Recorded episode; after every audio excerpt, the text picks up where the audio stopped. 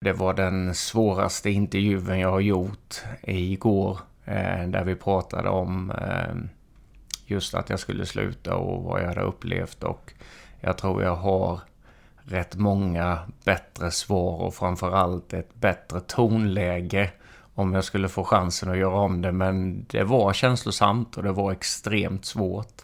Eh, för hur han än började ställa frågorna så får det mig att eh, tänka så mycket. Och eh, jag känner nästan nu också att det är svårt att kontrollera stämbanden och det gör mig riktigt förbannad för jag, jag har över 30 års erfarenhet att eh, svara på frågor och eh, att jag inte klarade det den här gången utan att bli känslosam. Men det är väl just det som är känslor och, och man kan inte riktigt kontrollera dem. Nej, men någon, eh, snart är eh, råttet mogat alltså. Persson! Lägger på blå för loppen, kommer skjuta, fintar skott, spelar pucken höger istället, Davidsson skjuter, man lever över returen! Skottläge kommer där! Kan jag få låna micken? I mål! Hur skjuter karln? Hur skjuter han? Jag kan bara säga att det där är inget skott faktiskt, Lasse. Det där är någonting annat. Det där är liksom, han skickar på den där pucken så jag nästan tycker synd om pucken. Den grinar när han drar till den. Utan Fröbo var målvakt! Kan jag få låna micken? Kolla! Poff! En allvarligt talat Leif Boork håller på med hockey i 600 år! Kan jag få låna micken? Hej och välkomna till ett SHL-podden Möter-avsnitt, retroversion. Jag som pratar heter som vanligt Mårten Bergman och det är också jag som intervjuar i den här podden. Dagen till ära är det ingen mindre än HV71-legendaren Johan Davidsson som jag träffade morgonen efter att han meddelat att han slutar som assisterande sportchef i sitt hjärtats, hjärtas förening HV71. Vad vi pratar om, det ser ni i beskrivningen till den här podden och mig når ni på att Martin Bergman eller att SHL-podden främst på Instagram. Nu ska inte jag orda mer utan vi spolar tillbaka klockan till den 19 mars. Johan Davidsson. De här poddarna brukar börja på ett eh, visst sätt allihopa och vi kommer dit. Men eh, nu måste jag... Eh, nu måste jag bara ta upp att igår när jag satt på tåget till Jönköping så kom det Eh, ut en nyhet att du eh, slutar i HV71 efter säsongen. Eh, och eh, en av frågorna jag brukar ha är ju vad gör du nu för tiden? Och då blir det väl vad gör du i framtiden då? ja, och det är en grymt bra fråga faktiskt. Eh, det är inget bestämt idag eh, faktiskt. Och eh, när du säger sådär att du slutar i HV så blir det, det låter som en dödsdom nästan. Men, eh, och det är inte riktigt sant. Jag har inte tänkt att gå upp i rök och jag kommer inte försvinna från bygden heller. Och jag kommer säkerligen att fortsätta vara ungdomsledare eh, på ett eller annat sätt. Och, men just som assisterande sportchef, jag, där är det dags att byta eh, person eller byta ut mig och, och hitta något annat. Eh, och framförallt så har jag väl tagit beslutet på att det är dags för mig att testa någonting nytt. Mm. Eh, har egentligen bara jobbat med hockey hela mitt liv. Eh, har några veckor på praktik i, under skolålder och så vidare. Men... Eh, Vad då? Eh, posten, Okej. brevbärare. Och Postnord kan behöva förstärkning. ja, nej men eh, min far var brevbärare så han löste väl något där kring jul och över sommaren och det är typ det jobbigaste jag gjort i hela mitt liv. Eh, så att eh, ex extremt eh, dåliga erfarenheter på det sättet. Smålandsbagan har jag varit på någon vecka, en vecka på badhuset här i Jönköping. Eh, ja, några sådana grejer. Så att jag har liksom inte varit runt och, och testat så mycket. Eh, fastnade i hockeyspåret och har varit väldigt glad för det. Eh, har varit fantastiskt, fått lära mig mycket men kände väl nu att eh, nej, det är dags att testa någonting. Nu räknar jag lite snabbt här igen för jag tänkte jag har verkligen skrivit rätt här. Men 24 år eh, kring HVs A-lag antingen som spelare eller ledare. Ja, det kan nog stämma kanske.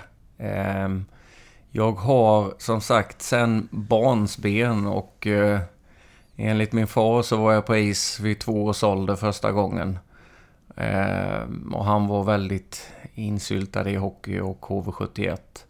Så egentligen så har jag ju varit här hela mitt liv förutom fyra säsonger eh, då jag spelade utomlands. Mm. Eh, så att eh, ja, det är lång tid i ett eh, relativt kort liv än så länge. Känns det inte konstigt på något sätt? Att så här... Jo, det gör det. Det känns jättekonstigt och det är extremt tudelat och eh, det var den svåraste intervjun jag har gjort igår. Eh, där vi pratade om eh, just att jag skulle sluta och vad jag hade upplevt och jag tror jag har rätt många bättre svar och framförallt ett bättre tonläge om jag skulle få chansen att göra om det. Men det var känslosamt och det var extremt svårt. Eh, för hur han än började ställa frågorna så får det mig att eh, tänka så mycket.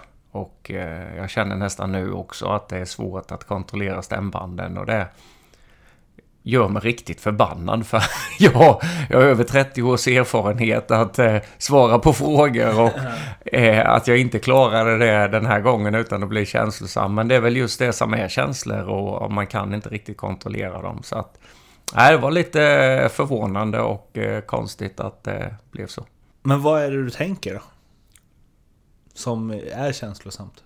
Alltså... Jag vet inte, men det är väl eh, typ beroende på hur man lägger fram det så, så blir det väl som en, en, eh, en skilsmässa med någonting som man har levt med under väldigt lång tid och, och så vidare. Men jag har ju inte tagit det beslutet att eh, testa något nytt och tyckt att det har varit ett dåligt beslut. Utan det är ju, jag ser ju fram emot det här och, och få möjlighet att dels att landa efter den här säsongen. Vi har en bit kvar, vi har en jäkla utmaning framför oss. Och men just att efter säsongen att få landa lite. Ehm, jag gick från spelare till assisterande sportchef över en natt mer eller mindre och fick aldrig den där perioden där man kunde regroupa och lista ut vad man ville göra.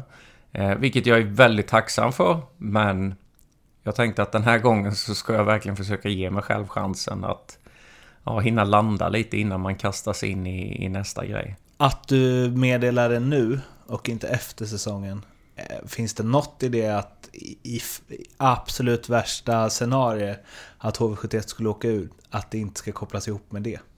Nej, det gör det faktiskt inte. Jag har verkligen räknat, räknat med att människor tror att jag flyr kampen och så vidare. Tvärtom. Eh, det ligger mer på, vad ska man säga, skålen för att stanna kvar.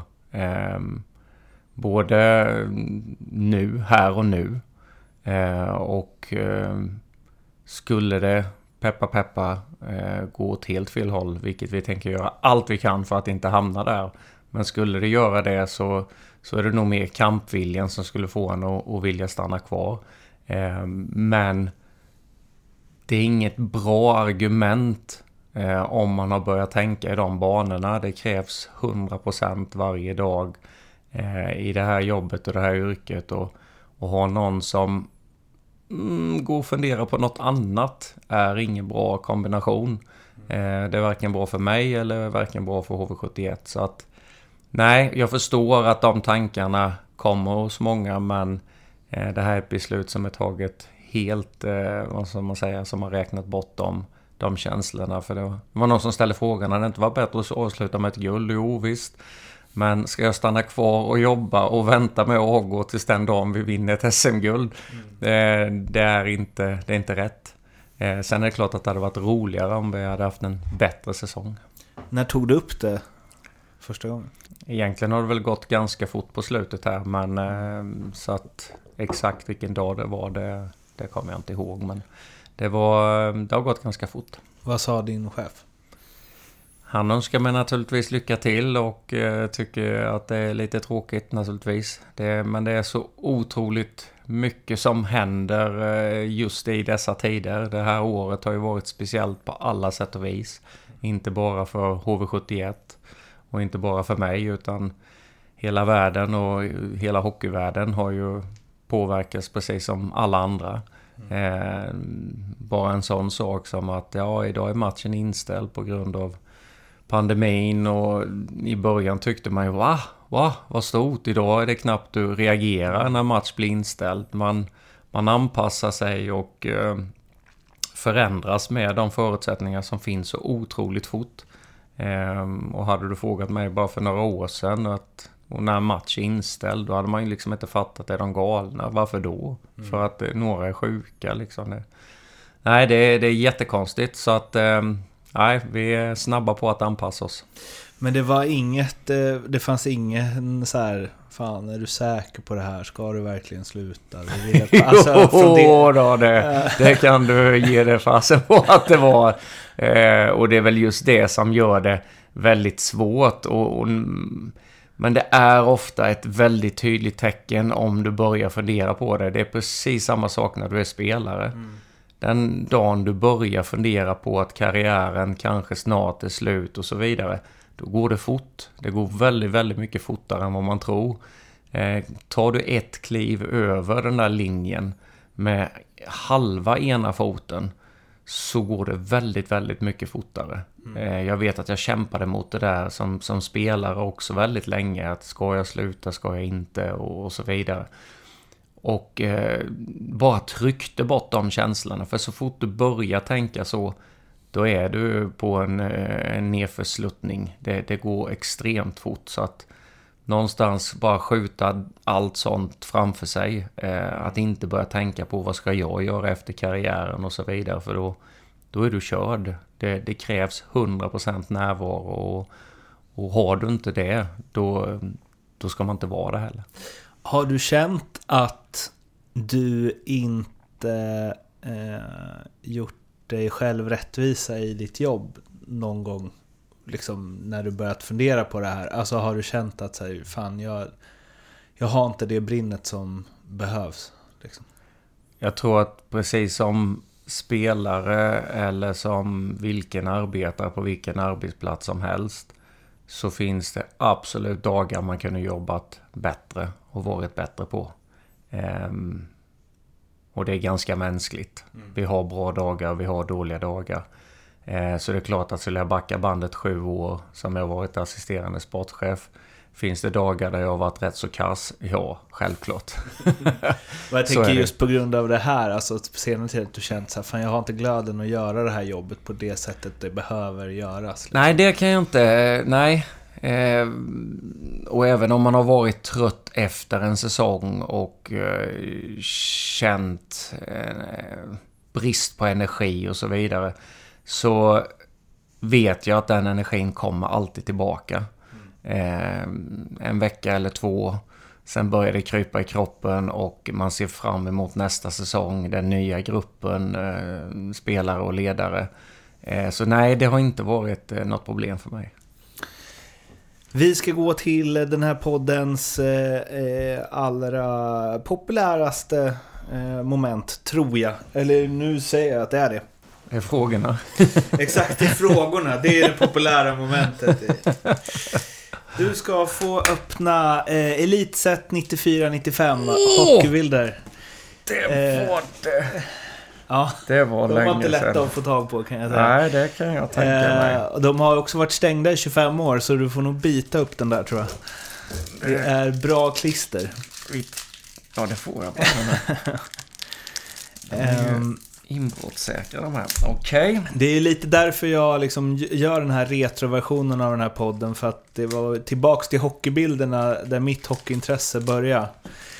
Eh, så du får gärna berätta vad du får för någon en i taget och om du har någon... Om du har något dirt på den personen, på att säga. Ja, nej, det, det, hur du det, minns dem. Det har jag inte, men den första som dyker upp överst här eh, får vi se ifall alla Karlstadbor kan gissa innan jag säger namnet, men en eh, målvakt. Det här är alltså 94-95 med svarta benskydd och svart plock och svart stöt. En gammal hederlig träklubba i målet. Han har faktiskt en, en målvaktsmask som ser ut som en vanlig hockeyhjälm och sen så är det liksom galler och lite plast runt gallret. Så det är ju inte de här moderna målvaktsmaskerna utan det var väl en, en övergång från vanlig hjälm till målvaktsmasken. Är det en svensk? Det är en svensk målvakt Aha, ja. då vet jag. Då Jonas Eriksson. Ah, Så här ser han ut. ja, just det. Eller såg ut kanske man ska säga. Bra size på skydden också. Ja. Eh, har, du har du gjort något mål på honom? Eh, 94-95 gjorde jag inte speciellt många mål. Så att, eh, Ja, san- fyra. Ja, gjorde jag fyra? Ja. Sannolikheten är nog stor att Jonas stängde igen för mitt fruktansvärt dåliga handledsskott. Eh, nummer två på listan. Tommy Lehmann, AIK. En klassiker. Det är ju faktiskt en klassiker. Och AIK också för den delen. Nummer tre på listan här är Malmö och det var ju en spelare man hyste stor respekt för. Eh, Raimo Helminen. De hade ju extremt bra lag runt den här tiden.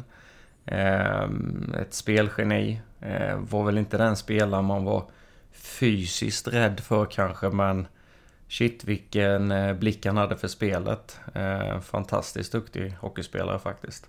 Du måste mötts i landslaget också va? Ja, jag var nog inte med så mycket. Ja, vi har mötts i landslaget men eh, det var nog några år Senare. senare än det här. Eh, Jag var som sagt, vad kan jag ha varit? 19 år det här Mm. året. Så, Eh, Men han var väl kvar i Sverige några år efter det också va? ja, Känns det som. jag tror det. Jag är rätt dålig på statistik. så jag förlitar mig helt på din kunskap här. Ja, ja, för jag vet att jag hade uppe Raimo Helminen någon gång nyligen. Han spelar ju alltså, han gjorde sin sista säsong 08 och är född 64, ja precis. Så det är ju, vad, räknar jag rätt nu? 44 bast. Det kan nog stämma. ja. Gjorde han ändå 21 pinnar på 53 matcher. Det är riktigt bra. Är, inte Jager, men det. Ja, nej, men... Det är en finsk Jäger i Ja, alla fall. Ja. exakt. Nej, han, är, han var extremt duktig. Det, det minns jag. Och han var väldigt, väldigt duktig i powerplay. Den typen av utländska spelare som idag inte hamnar i Sverige va? Ja, tyvärr är det ju så. Idag är ju världen, hockeyvärlden så mycket större och bredare. Eh, fler lag, fler ligor som kan erbjuda både bra löner men också utmaningar för, för spelarna. Så att eh, det var ju en tidsepok, kanske 90 och fram till 2008 kanske. Något i den stilen. Där de bästa finska spelarna hamnade naturligtvis i NHL. Men de näst bästa hamnade i Sverige för svenska ligan var strået vassare och kunde betala lite mer. Eh, idag hamnar de ju först och främst i NHL och sen kategori 2 hamnar väl också i eh, NHL eller farmarliga. Eh, och sen så har du en stor andel som hamnar i KHL, Schweiz. Eh, så att eh, det är eh, definitivt större konkurrens där ute på marknaden. Här nu, nu börjar du faktiskt, nu börjar du tjäna pengar på de här korten. Ja. För nu dyker faktiskt Daniel Alfredsson upp Aha! i eh, Frölunda-tröjan. Och eh, några år yngre här än vad han är idag. Eh, med en titanträklubba eh, mitt i skäret och mitt i starten på sin fantastiska karriär kan man väl säga. Eh, en otroligt duktig och underskattad eh, hockeyspelare. Ni måste lirat ihop. Vi har lirat ihop några gånger. Eh, säkerligen lirat emot varandra fler gånger men några gånger har jag fått äran att, att vara i samma lag som, som Daniel. Och eh, han är inte bara en, en duktig hockeyspelare utan en väldigt fin kille, fin person som inte, vad ska man säga, var högfärdig på något sätt utan han var sig själv även när han hade blivit erkänt duktig och lyckats och, och, och presterat väldigt bra borta i NHL. Så jag har största möjliga respekt för honom som, som människa. Eh, jättehärlig att, att vara kring och hade mycket som man kunde titta på. Jag hade inte de kvaliteterna som, som han hade, det han var bra på. Men man kunde likväl ändå försöka snegla lite och se om man kunde stjäla någonting och göra en sämre kopia av det handledsskottet eller passningarna som han la. Så att eh, fantastiskt duktig hockeyspelare. Eh, team Performance är nästa kort. Ja, de- Så det är AIK. Eh, final Position. Ja, Det är verkligen eh, starka statskort i de där. Ja, det var det visst. Tre sen- vinster sen har det du-. Sen har du två elitset checklist. Jag vet inte ens riktigt vad det är för Jag tror något, att det är det men sämsta man kan få. Du får en dubblett av checklistan. fick två dubbletter där ja. Ja, ja. det var... Det, Men vi det avslutar med Claes Lindblom, Västerås.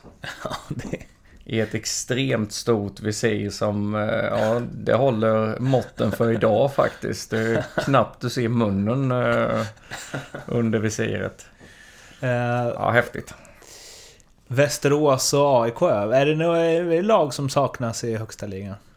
Ja, det är ju för oss som, som växte upp på den tiden så, så är det ju klassiska hockeylag. Så är det ju bara och eh, Jag har väl varit... Det var ju i Västerås var ju, det var ju en, en ishall man åkte och spelade till och, och hade tuffa möten och eh, Sen var det rätt många års uppehåll tills jag dök upp där igen. Eh, men det var ganska häftigt för att när man kom dit första gången så upplevde man det som en ganska stor ishall och så vidare. Man var en liten knott. Men sen när man kom rätt många år senare och, och klev in och visserligen tom ishall då men eh, den kändes inte lika stor längre. eh, och det, det är också någonting som har hänt. Arenorna har blivit så mycket större och eh, pampigare eh, idag än vad de var när jag kom upp. Eh, när, du, eh, eh, när du ser sådana här bilder och liksom... Ja, men också andra klipp eller bilder eller så ibland. Vad gör det med för känslor? Ehm, jag får nog mest ett leende på, på läpparna för då det triggar ju någonting så att man minns lite mer än vad man gör om jag bara skulle, åh, 94, 95, vad hände då? Det är helt... Nej, 94, 95 är inte helt blankt för det, det hände något fantastiskt det året. Men om du frågar 95, 96 då? Ja, det är rätt blankt. Ehm, och det är lite sorgligt, men minnena finns ju fortfarande där. Det är bara att du behöver någonting som triggar dem. Ehm, jag är ganska duktig på att, leva i nuet och inte gå och älta eh, gammal skit för länge. Ehm, till och med rent utav kass på det. Ehm, mina vänner minns väldigt mycket mer när jag... Jag brukar själv säga till spelarna när, när det tillfället ges att det är ganska mycket värt att kämpa för för att killarna som sitter till höger och vänster om det i omklädningsrummet kommer du minnas om vi vinner. Men det där året du inte minns så är det inte så väldigt många år till som du minns att du satt bredvid just han och han. Eh, Du kanske minns personen när namnet nämns. Men om det är någon som frågar dig tio år senare vilka spelade du med det året? Det blir ganska blankt. Eh, sen minns du personen när, när den tas upp. Men det är ganska sorgligt hur vi människor, eh, vi bara liksom, vi bara matar ju på framåt, framåt, framåt och, och då glömmer man vissa grejer. Eh, men om du går hela vägen och du lyckas, ja då minns du varenda face och varenda namn och varenda grej du gjorde i stort sett. Får vi se, det blir en utmaning det här då kanske. Vi Aj, nu ligger jag risigt till. Men... Eh, eh, minns du din första match? På eh, liksom högsta nivå? Extremt små eh, sekvenser. Ehm, och egentligen så handlar det nog mest om ett enda ögonblick och det var målet jag fick göra i Globen. Jag minns eh, uppvärmningen. Hade nackspärr. En nybyggd Globen Arena. Jag tittade mer i taket än vad jag kollade på banan. Det var häftigt att vara i Globen bara. Ja, det, var- alltså, det var sjukt häftigt. Och som tur var så hade jag varit med på en match tidigare men inte fått spela. Skandinavien fullsatt. Det handlade om om HV skulle få vara kvar i elitserien som det hette då. Ehm, och var totalt slut när vi åkte hem. Fast du inte hade spelat. Nej, inte spelat en sekund. Men jag var helt slut mentalt och helt slut i eh, munnen för jag hade tuggat fria gratis tuggummi i ungefär sex timmar. Eh, fyra åt gången. Vet du hur gött det var för en liten godisnarkoman där? Alltså det var helt sinnessjukt. Jag, jag kunde verkligen knappt öppna munnen dagen efter. Jag var, eh, missbrukade det här förtroendet något fruktansvärt. Och jag satt längst ner på bänken och mer eller mindre bad om att inte bli insläppt. Eh, det var fullsatt, kokande Skandinavium. Så det var första upplevelsen. Andra upplevelsen lite bättre. Jag visste att jag kommer få en plats i bussen på vägen upp. Jag behöver inte stå till Stockholm och så vidare. Lite lugnare, men just att kliva in i arenan, att få åka ner med bussen under promenaden bort till omklädningsrummen och sen komma ut i arenan och liksom wow vad högt upp det är till de sätena längst upp och så vidare. Eh, det sög ju musten, det sög ju 50% av min energi. Eh, men på något sätt och så visste jag att jag skulle spela med så man var ju lite nervös. Och sen ett fladderhandledsskott eh, från strax innanför blå som på något konstigt sätt, jag vet inte, osten kan inte ha sovit en natt efter det skottet. Men på något sätt så hittade den ett hål att gå in och liksom... På något sätt så var det nog bara ödet, mm. tror jag. Ehm, men det är ju också ett ögonblick som man minns då. Och sen är det egentligen bara svart till eh, ja, glädjen efter matchen. Mm. Ehm, Ni vann eller? Vi vann den matchen. Mm. Eh, jag kommer inte ihåg exakt vad det blev, men ehm, och jag kommer inte ihåg exakt vilket av målen jag gjorde, men eh, vi vann den matchen och det var första gången HV vann i, i Globen då.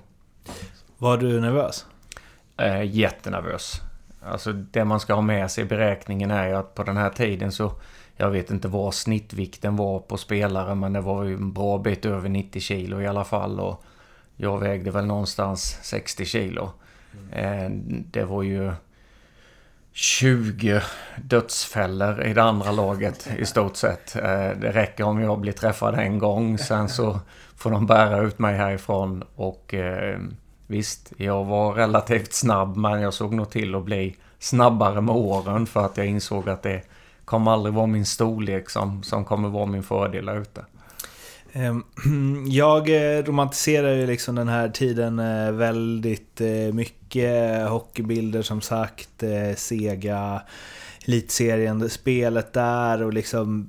Ja men Foppa var min stora idol. Det var så coolt att få något band av liksom pappas arbetskamrat som man kunde kolla på Stanley Cup-finalen 96 på och så vidare. Ehm, och i, jag vet inte om det är det som gör det, men jag tänker att ni var mycket större eh, Alltså liksom senare delen av 90-talet. Jag tänker att ni var mycket större idoler då än vad dagens hockeyspelare är för kidsen idag. Och det baserar ju egentligen bara på att det var för att jag var ju kid då. Ehm, men också kanske lite på så här, allt är så tillgängligt idag. Det är hemma hos-reportage hos våra största stjärnor. Och, ja, det är liksom inget märkvärdigt. Ehm, man, man, liksom, och det är selfies och det är sociala medier och hej och hå. Medan då känd, det kändes så himla långt bort.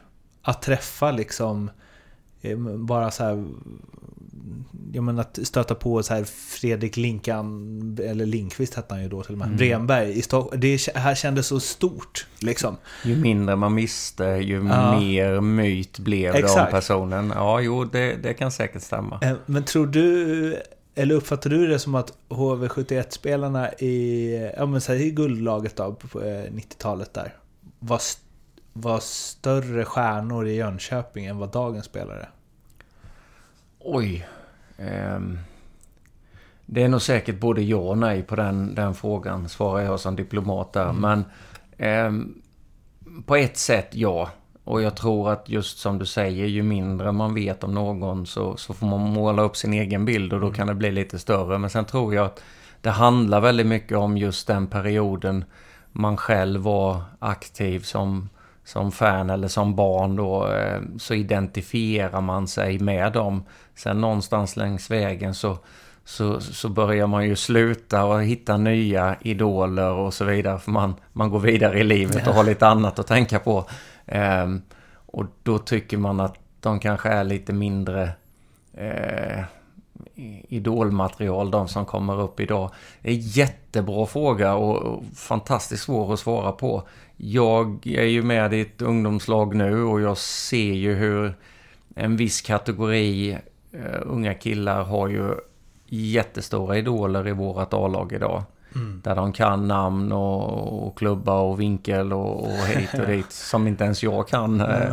Och det är så häftigt att se och sen så har vi de spelarna som kanske har spelat hockey i två år men fortfarande inte riktigt vet vad hockey är överhuvudtaget. Och, och de som är helt ointresserade av andra eh, spelare överhuvudtaget. Jag var själv en i den kategorin. Eh, och har egentligen alltid varit en person som tycker det är väldigt kul att utöva men inte i grund och botten egentligen tycker att det är superkul att kolla på andra eh, som spelar. Sen har jag lärt mig med åren här nu att uppskatta och tycka det är roligt. Eh, men i början tyckte jag det var en ren plåga att sitta och kolla på, på matcher. Ja. Och det låter ju extremt konstigt om du ska jobba som assisterande sportchef. Jag precis säga det. Eh, men jag ska vara så pass ärlig och alla mina nära vänner kan ju ibland skratta åt det. Mm. Eh, och en av mina absolut närmsta vänner, Stefan Liv, som tyvärr inte är med oss idag.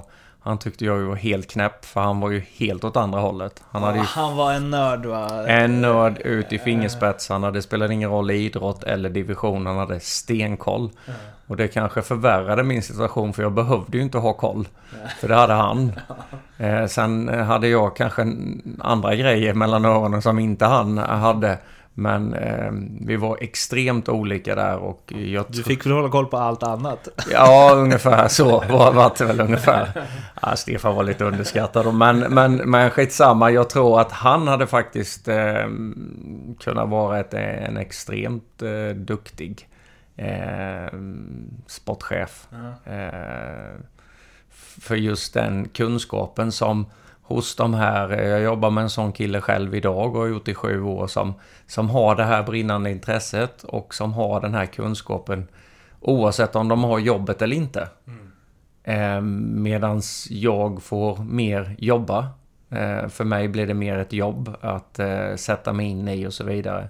Eh, jag tror inte att jag kommer kolla sju matcher i veckan den dagen jag har slutat. Ehm, men det skulle Johan Hult göra i alla fall, eller Stefan Liv i alla fall. Han kollar både hockey, fotboll, handboll, innebandy och vilken sport det än är. Och har stenkoll på det. Men du kommer inte se alla HVs matcher heller tror du? Kanske inte... Ja, jag kommer nog se rätt mycket, men kanske inte alla. Mm. Man har ett liv i sidan och om jag inte har det som som jobb så kan det säkert komma grejer emellan. Eh, så jag ser halva matchen eller så. Men jag tror att de här närmsta åren absolut, då kommer jag nog se väldigt mycket. Eh, det gör jag nog. Varför la du av?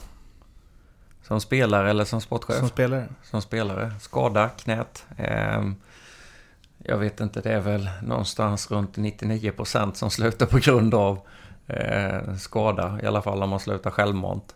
Eh, kroppen sa till slut eh, tack men nej tack, nu får det vara nog. Jag krigade på i ungefär... Jag spelade nog säkert i två år med ett ben. Eh, och sen så eh, till slut så gick det inte längre. Så procenten av min maxkapacitet gick ner så pass mycket så att... Och det gjorde för ont. Eh, så att jag blev för dålig helt enkelt. Ehm, och så tillhörde jag också en kategori som, som var för högavlönad och för den lönen så kunde jag inte göra mig själv rättvisa. Um, så att eh, då blir man inget attraktivt. Ingen attraktiv spelare heller. Uh, så någonstans så, uh, jag försökte verkligen att hitta en väg att uh, få tillbaka brosk i knät och stärka upp med muskler runt omkring och ersätta förlorade meniskbitar men till slut så sa läkarna till mig att nu kan vi inte göra mer. Och det var en tuff, det var eh, ett tufft besked trots att jag i stort sett under ett års tid hade gått vid sidan och, och bara tränat fys. Så, eh, och borde ha vetat att eh, det var slut. Så hade jag nog aldrig tagit det beslutet om inte läkarna hade sagt till mig. Och det var tufft. Jag kom fan knappt ur sängen dagen efter. Men eh, precis som allt annat, om du rycker plåstret så det kanske gör lite ont i början men sen mår man faktiskt bättre av det. Så att eh, det, var, det var bra gjort av läkarna att säga till mig. Eh, men det var, det var inget roligt. Ehm, men vad la du av med för känslor då? Alltså hur... Var det jobbigt att titta hockey, adrenalinavsaknaden? Ja, alltså. eh, den får jag ju fortfarande de här sekunderna innan första pucken släpps. Mm. Eh, det kan jag få fortfarande och då är jag extremt avundsjuk eh, på de som är där ute på isen. Men sakta men säkert under de här sju åren så är det väl framförallt två saker som gör att jag inte längtar tillbaks som en galning varje dag. För att jag vet vad som krävs för att få dra på sig tröjan och gå ut där ute.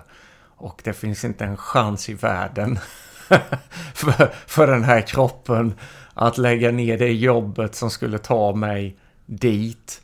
Eh, och det är fysiskt omöjligt med det här knät. Eh, det har inte blivit ett smack bättre sen den dagen jag la av utan snarare sett sämre. Eh, så den smärtan att ta sig tillbaka tror jag inte att jag har brinnet för eh, idag. Även om det skulle varit möjligt. Eh, och sen är det väl... Var sak har sin tid. Mm. Och jag må vara lite avundsjuk där under några sekunder men som sagt förståndet förklarar för mig ganska fort att du inte ens nära lägg ner. Men blir du nostal eller kan du bli nostalgisk? Få sådana känslor liksom? Ja, absolut. Ja. Det, det kan jag och jag menar det, det brinner ju fortfarande i mig att jag vill ju vinna. Mm. Sen om jag är ledare eller om jag är spelare, jag vill ju vinna. Det vill ju alla som håller på med det här. Och jag har en ganska, jag är en ganska dålig förlorare. Jag har egentligen alltid varit en dålig förlorare. Ehm, och det kanske förvånar någon som lyssnar, för du stod ju alltid där och svarade på frågor. Jo, men det är ju en del.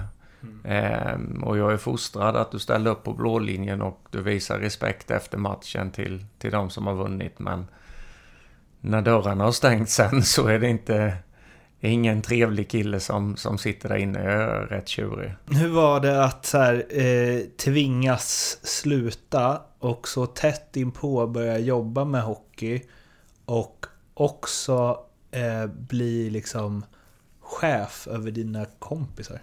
Ja, det var svårt. Eh, I teorin så kändes det som att det är ju... Det löser sig nog. Eh, och det gjorde det. Eh, mina vänner respekterade min position och jag respekterade dem. Eh, det som var tuffast var ju att du mer eller mindre över en natt eh, skickas, skickas bort ur eh, den inre kärnan. Eh, för ditt förhållande kan inte vara på samma sätt som det var tidigare. Eh, och det var lite svårt att balansera både för dem och för mig. Eh, att nu är vi vänner och nu... Eh, men när det kommer till jobbet så måste vi någonstans kliva i våra roller och då måste du respektera att eh, jag har en annan position och så vidare. Och från att ha kanske då klivit in i omklädningsrummet på morgonen och så Åh Johan, hörde du? Till att det helt plötsligt blir helt tyst när du kliver in i omklädningsrummet. att det de pratar om, in, inte får, diskussionen fortsätter inte. Det blev en sån där, oj förlåt, eh, pratar ni om något som jag inte behöver veta nu då? Bra, jag går så ni kan fortsätta. Det var en rätt så sådär jobbig känsla naturligtvis. Men eh, jag hade samtidigt full respekt för det. Ja. Uh, vad var det tuffaste liksom beslut eller eh, i den övergången liksom? Att så här... Ehm, det kom väl egentligen efter... Ehm, Jag tror att första att behöva meddela någon som inte får vara kvar längre. Som du tycker extremt mycket om eh, som människa och som du vet ger järnet varje dag. Eh, och som potentiellt sett kan bli jätteduktig men just här och nu så är tajmingen helt värdelös för att det finns inte utrymme eh, för dig.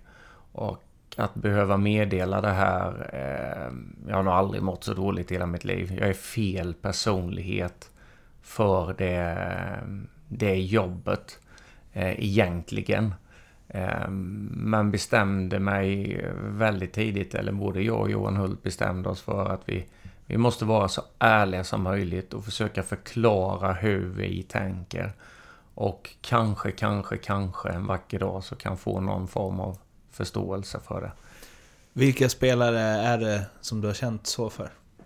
Ja, det är flera stycken. Det är jättemånga. Jag vill inte gå in på några namn. Men just det här första året var absolut tuffast. Mm. Eh, sen lär man sig eh, lite med tiden. Men jag vill inte lära mig för mycket. Mm. För att då har jag plockat bort den personliga och känslosamma delen. Eh, jag vill helst inte gå så långt där jag kan gå in och säga till någon att du kan packa din väska och gå utan att det berör mig. Mm. Det kan säkert hända om det är en person du inte eh, trivs speciellt bra med och, och inte alls fungerar med. Men att göra det med någon som du faktiskt bryr dig om och inte känna någonting, där vill jag aldrig hamna.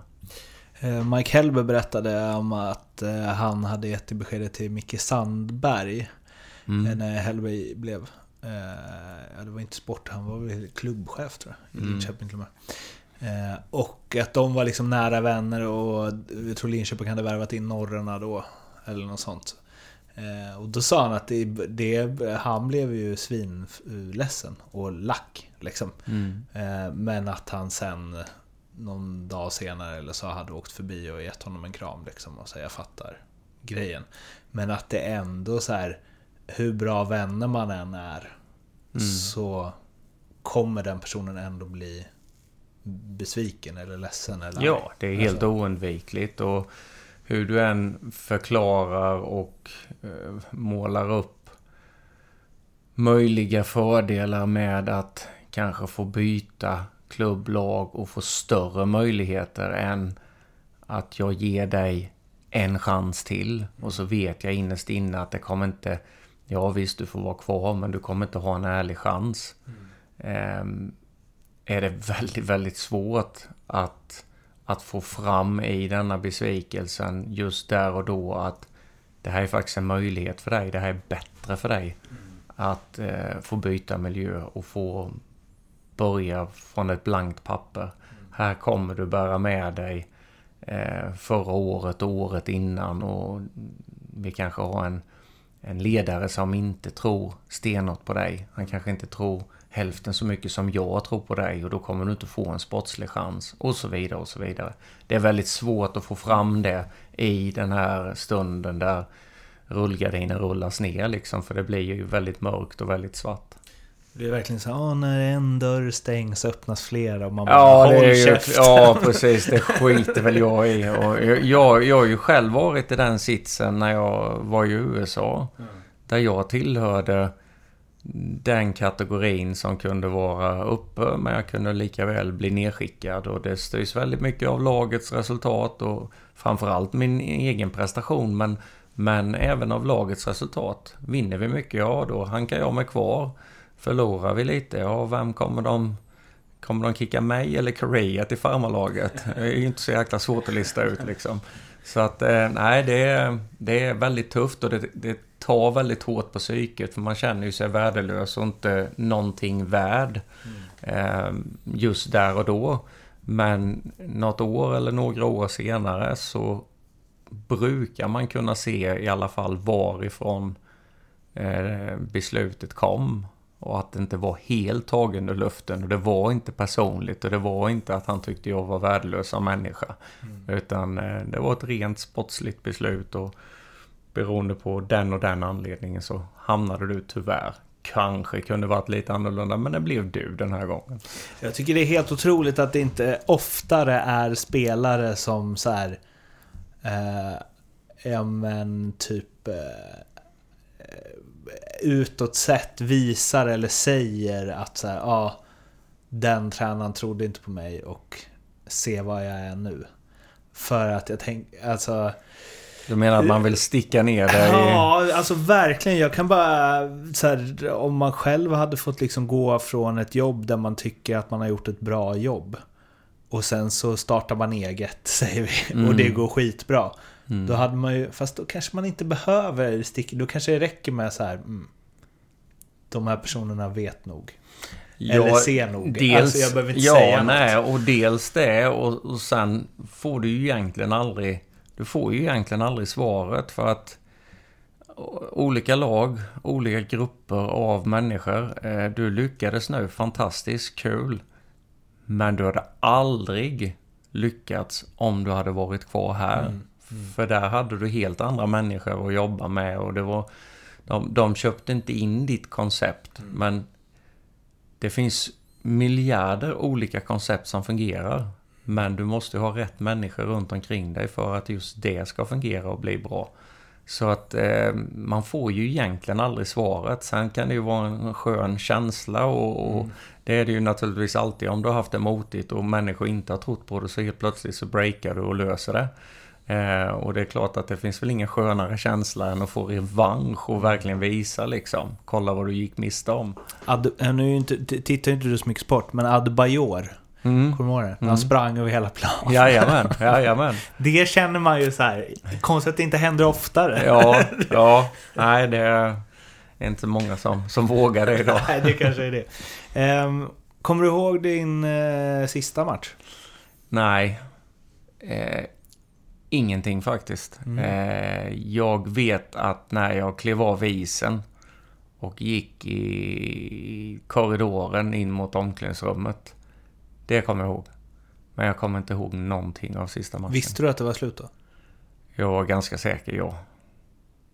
Det, det var jag för att eh, vi hade väl lappat ihop kroppen rätt så mycket och eh, jag visste inte helt säkert att det var slut, men jag visste att det här kan vara sista gången jag kliver av. Så att eh, jag hade nog... Eh, men återigen, jag hade nog tryckt bort eh, de där tankarna lite. Eh, man lever ju alltid på hoppet. Eh, men innerst inne visste jag nog det, ja. Önskar du att du hade fått en sista match där du hade vetat? Nej. Nej. Nej, för fasen. Det, du kan inte vrida det till något positivt hur man än vrider och vänder på det. Nej. Det hade man... Eh, nej, då hade man nog bara åkt runt och eh, med tårar i, i ögonen eller vad som helst. Jag vet inte. Ja. Sen är det klart att jag tror att alla spelare eh, någonstans drömmer om att åh, en chans till. Ett byte till. -huh. eh, då ska jag göra det eller det. Men eh, jag tror att det är, är nog mest en eh, fantasi och något som hör hemma att stanna där inne. när, när jag intervjuade aktiva spelare så hade jag en fråga om så här, om man fick regissera sin sista match ja. i karriären. Ja. Hur det skulle bli. Och all, det var ju många som var så här, ja men Stanley Cup-final, sjunde match, avgörande. Men Kristoffer Persson, han sa, eh, vad var det han sa? Tyska tredje ligan, 40 pers på läktaren. Ingen vet. ja, och det, ja, det är helt underbart kan jag tycka faktiskt. Han har ju verkligen listat ut liksom att då kan jag smyga ut utan att slippa svara på massa jobbiga frågor. um, när du ser tillbaka på din uh, spelarkarriär idag, om du gör det. Vad gör, hur nöjd är du? Jag är jätteglad och stolt. Ehm, framförallt är jag tacksam för eh, att jag fick spela så pass länge som jag fick.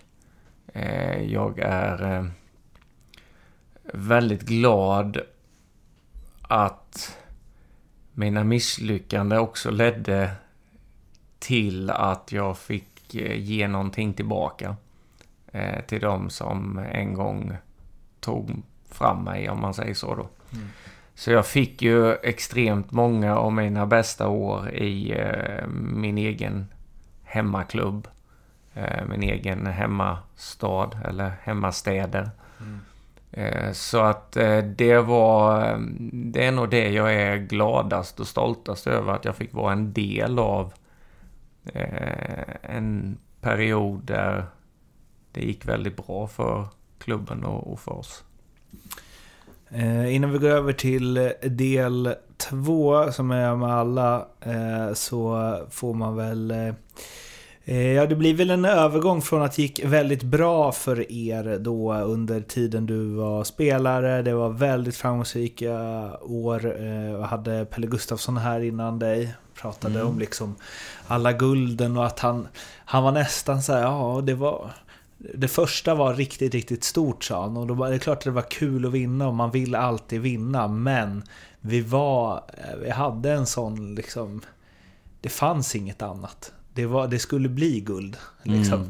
Eh, Så det var inte liksom, det var inte så wow alltid, sa han. Utan det var liksom check.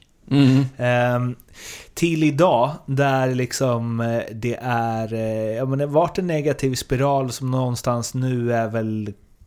Ja, kulminerar. Jag läste någonstans att det är 98% att ni hamnar i kval. Hur eh, mår du i det?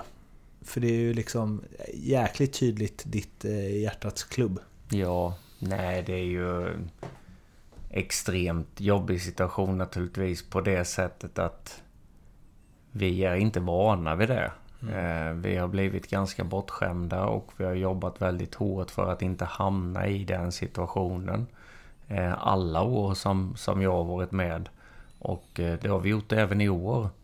Ehm, och vad man blir medveten om i, i det här läget är att när vi har varit på andra sidan och oroat oss över om vårvädret kommer nu lagom till slutspelet och så vidare. Så har det varje år varit ett, två, tre lag, fyra lag som har varit inblandade i den här eh, tuffa situationen och, och den här känslan som du hamnar i där det blir mer eller mindre på liv och död och, och så, så och det har man ju aldrig ens slått en tanke på och så när du hamnar i den situationen själv så inser du att ja men shit vad vilken bild har vi haft? Vi har ju liksom inte ens funderat så mycket på det där liksom. Eh, och det är ju en extremt eh, pressande situation för det är ju inte bara för dig själv och, och bara för laget utan det är ju för hela föreningen och alla som jobbar där och alla som lever med eh, lever med i, i resultaten. Eh, fans och samarbetspartners och så vidare. Så att, ehm, ja, det, är, det, är, det är en tuff, tuff utmaning men samtidigt så kan man vända det och se det som en, en rolig utmaning. Så har man nog stor fördel av det. Ehm, men det är tufft. Och det måste man göra individuellt. Det, det är svårt att göra på, på lagnivå så att säga. Det måste varje individ försöka hitta glädjen i, i den utmaningen. Ehm, för flera år sedan så gjorde jag en reportageserie där jag hälsade på supportrar i, runt om i Sverige och då hängde jag med Fredrik Möller som har varit klackledare eh, under många år i HV och då, jag tror det gick, jag tror ni kom kanske typ 10 det året eller något. Eh, Och då sa han, han bara, ah, det är fan liksom så här, det är jävligt tungt nu och bla bla. Och jag håller ju på Leksand, eh, så jag var så här, jag bara, fan 10 det hade man ju tagit alla dagar i veckan. Ja. liksom, det låter Ja, ju hur gött som helst. Allting är ju relativt och, och hur man ser på saker och ting och vad man har för förväntningar innan Ja. säsongen och så vidare. Så att, ja, det, Eh, Och det är det, med, det är det jag tänker när det händer en klubb som HV, det du pratar om runt om, att ni kanske har spelare i laget som har kvalat i andra klubbar och så vidare, men hela kulturen och som du säger, liksom alla supportrar, alla sponsorer är liksom inte vana vid det här alls. Eh, och att det blir... Jag vet inte, det blir en negativ känsla som är helt ny. Vilket blir att så här, det finns inget så här, hur hanterar vi...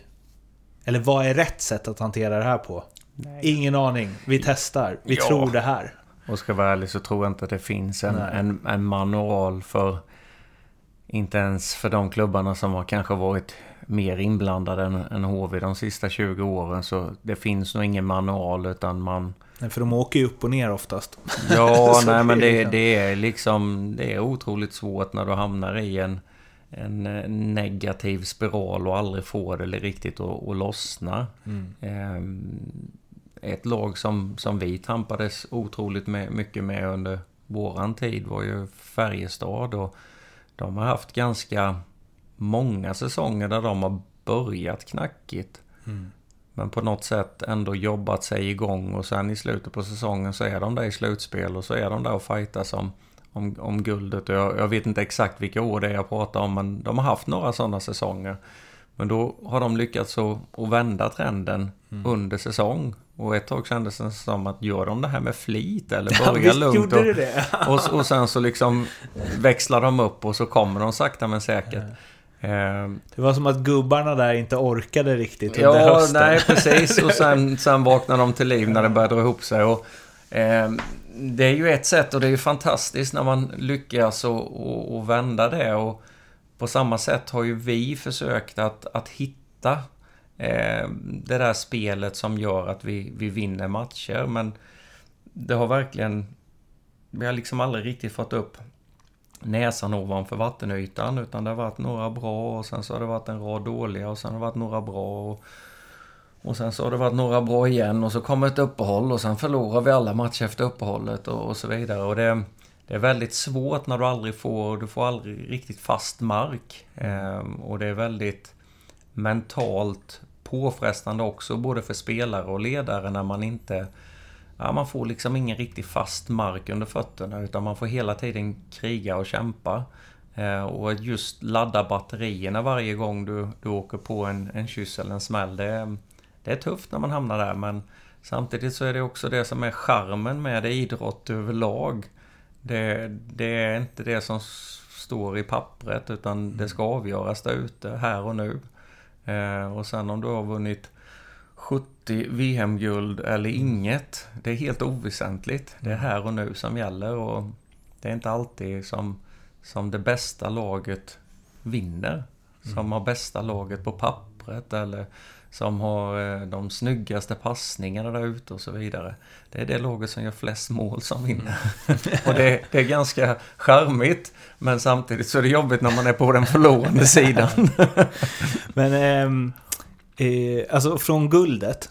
Vad skulle du, jag fattar att det är så här, ja, om man hade vetat receptet hade man ju gjort något åt det. Men vad, hur kan, eller ni analyserar ju det här hela tiden liksom, förstår jag. Men om på ett förenklat sätt, eller vad är dina tankar kring så här, hur kan det gått så fort från guld till kval? Eh, vad, finns det något som är så här, det här har vi aldrig riktigt fått att funka liksom? Jag har ingen enkel förklaring eh, egentligen. Eh, det som man ska ha med sig är att det kan gå väldigt mycket fortare idag än vad det gjorde eh, på 90-talet. Eh, 90-talet så hade du alltid en stomme i alla lagen. Eh, som var kvar under ganska många år. Som man kunde luta sig mot och sen blev det ett generationsskifte. Men då hade det gått så många år så att då hade den nya generationen var redan inkörda och, och, och redo att ta över i, i vanliga fall. Idag är det ju ett extremt rörligt eh, schema för spelare att röra sig mellan lag och, och ligor. Så att teorin som jag och Johan utgick från från början att vi vill maximalt byta 6-7 spelare från säsong till säsong. Det har ju inte vi lyckats att hålla egentligen. Möjligtvis det året som vi vann. Mm. Så behöll vi spelare och bytte färre spelare än vad många utifrån tyckte att vi borde göra. Vi behöll många av våra egna spelare som kanske inte hade gjort en kanonsäsong. Men som vi trodde hade potentialen att kunna blomma ut året efter. Ehm, Men i stort sett alla andra år, jag, jag vet inte hur många spelare vi bytte det året heller, men jag tror inte att det var fem, sex, det var säkert några fler ändå. Men sen är det nästan så att du byter 50% av laget varje år. Inte på grund av att du vill byta 50% utan att det är spelare som får nya erbjudanden och nya chanser. Och sen har du några spelare som har kört fast som behöver byta, byta lag och så vidare. Och då är det egentligen inte så jäkla konstigt att det kan bli väldigt annorlunda resultat året efter. Det... Ehm, alla är ganska sårbara där idag för att du har ingen stabil stomme som du kan luta dig mot från år till år. Och det gäller i stort sett alla lagen. Ehm, när jag hade Andreas Takell som gäst så eh, pekade han ut när de tog in Roger Melin. Det var väl efter finalförlusten mot er va? Tror jag. Ja, det kan nog stämma. Mm. Och då pekar han ut det som ett, det är klart att det inte bara är det som är att Brynäs har gått tungt, men, men där gjorde vi liksom ett fel. Där blev det för stor skillnad på ledarskap och eh, det tog för lång tid att liksom återhämta sig. Och sen när man är mm. inne i en dålig spiral.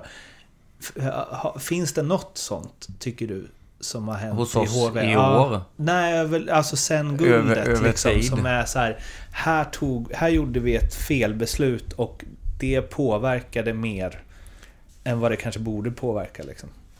Eller vad man tänker utifrån att det påverkar. Nej, jag tycker inte det. För att vi, vi jobbar ut efter i stort sett Eh, med små skillnader i spelsätt och spelmodell så jobbar vi i stort sett ut efter samma modell. Bara försöker att förfina och förbättra. Ehm, för man vill ju alltid bli bättre. Och då finns det alltid detaljer som man ändrar på. Eh, och det kan vara rätt eller fel. Men i det stora hela så är det liksom ingen så stor förändring så att det tar dig från toppen till botten av ligan. Absolut inte. Eh, ingenting runt om i träningen. Alltså då tänker jag sommarträning och försäsongsträning och sättet vi tränar på under säsong. Är inte heller några sådana enorma skillnader så att det skulle kunna vara skillnaden mellan toppen eller botten. Utan det är prestationen just när det gäller som, som skiljer sig och det kan vara så extremt små marginaler och är du alltid på rätt sida eller i 8 av 10 fall är du på rätt sida då ligger du i toppen. Mm. Men är du på fel sida linjen, även om den är precis marginell mm. 8 av 10 gånger, ja då är du i botten av ligan. Mm. Så små marginaler är det idag, så små skillnader är det mellan lagen i om du tänker dig spelarmaterial och så vidare. De flesta lagen är uppbyggda på ungefär samma sätt och det skiljer så lite mellan spelarna så att du har inte du har inte på samma sätt som du kanske hade på 90-talet. Då hade du två formationer i varje mm. lag. Mm. Eller åtminstone en formation. Mm. En del hade två. Eh, som de kunde luta sig mot hela tiden och så visste man att ja men vi har de här killarna som vill bli sämst sexa. ja, verkligen. Ja men det var ju verkligen så och sen så blev det ett generationsskifte och så kanske de inte var topp fyra i x antal år men då, sen kom de nya killarna och bla bla bla. Eh, idag har du ju inte den stommen på samma sätt i de flesta lagen. Mm. Du har vissa lag som, som har lyckats med till exempel Skellefteå har ju haft Möller och, och, och Jocke Lindström och de här x antal år. Och Frölunda har haft Joel. Mm. Nu är ju han bara en person men, men det är ändå någonting att hålla sig i, i över tid. Ehm. Men jag måste få testa det här då, för det är någonting som jag har tänkt på just i liksom... Eh, just för att det, Leksand har varit i en sån situation i år. Och som jag också bollat med både spelare och ledare. För man pratar ofta att det börjar liksom i toppen av organisationen. Har man en bra liksom styrelse och bra beslut så går det neråt och man är en trygg förening och man lyckas. Man kan ju liksom... Det är det som nästan alla säger. Och det låter ju logiskt liksom. Det är som i alla företag eller vad man alltså alla grupper liksom att från toppen är. Men i Leksands fall till exempel, jag är helt övertygad om att de som sitter i styrelsen där har gjort ett bra jobb, att eh, Tjomme är rätt eh, man på rätt plats och så vidare. Men man skulle ju också kunna säga att det är ju eh, det är otroligt mycket lättare att göra ett bra jobb där när du har en första kedja som gör fyra poäng per match första 20 matcherna.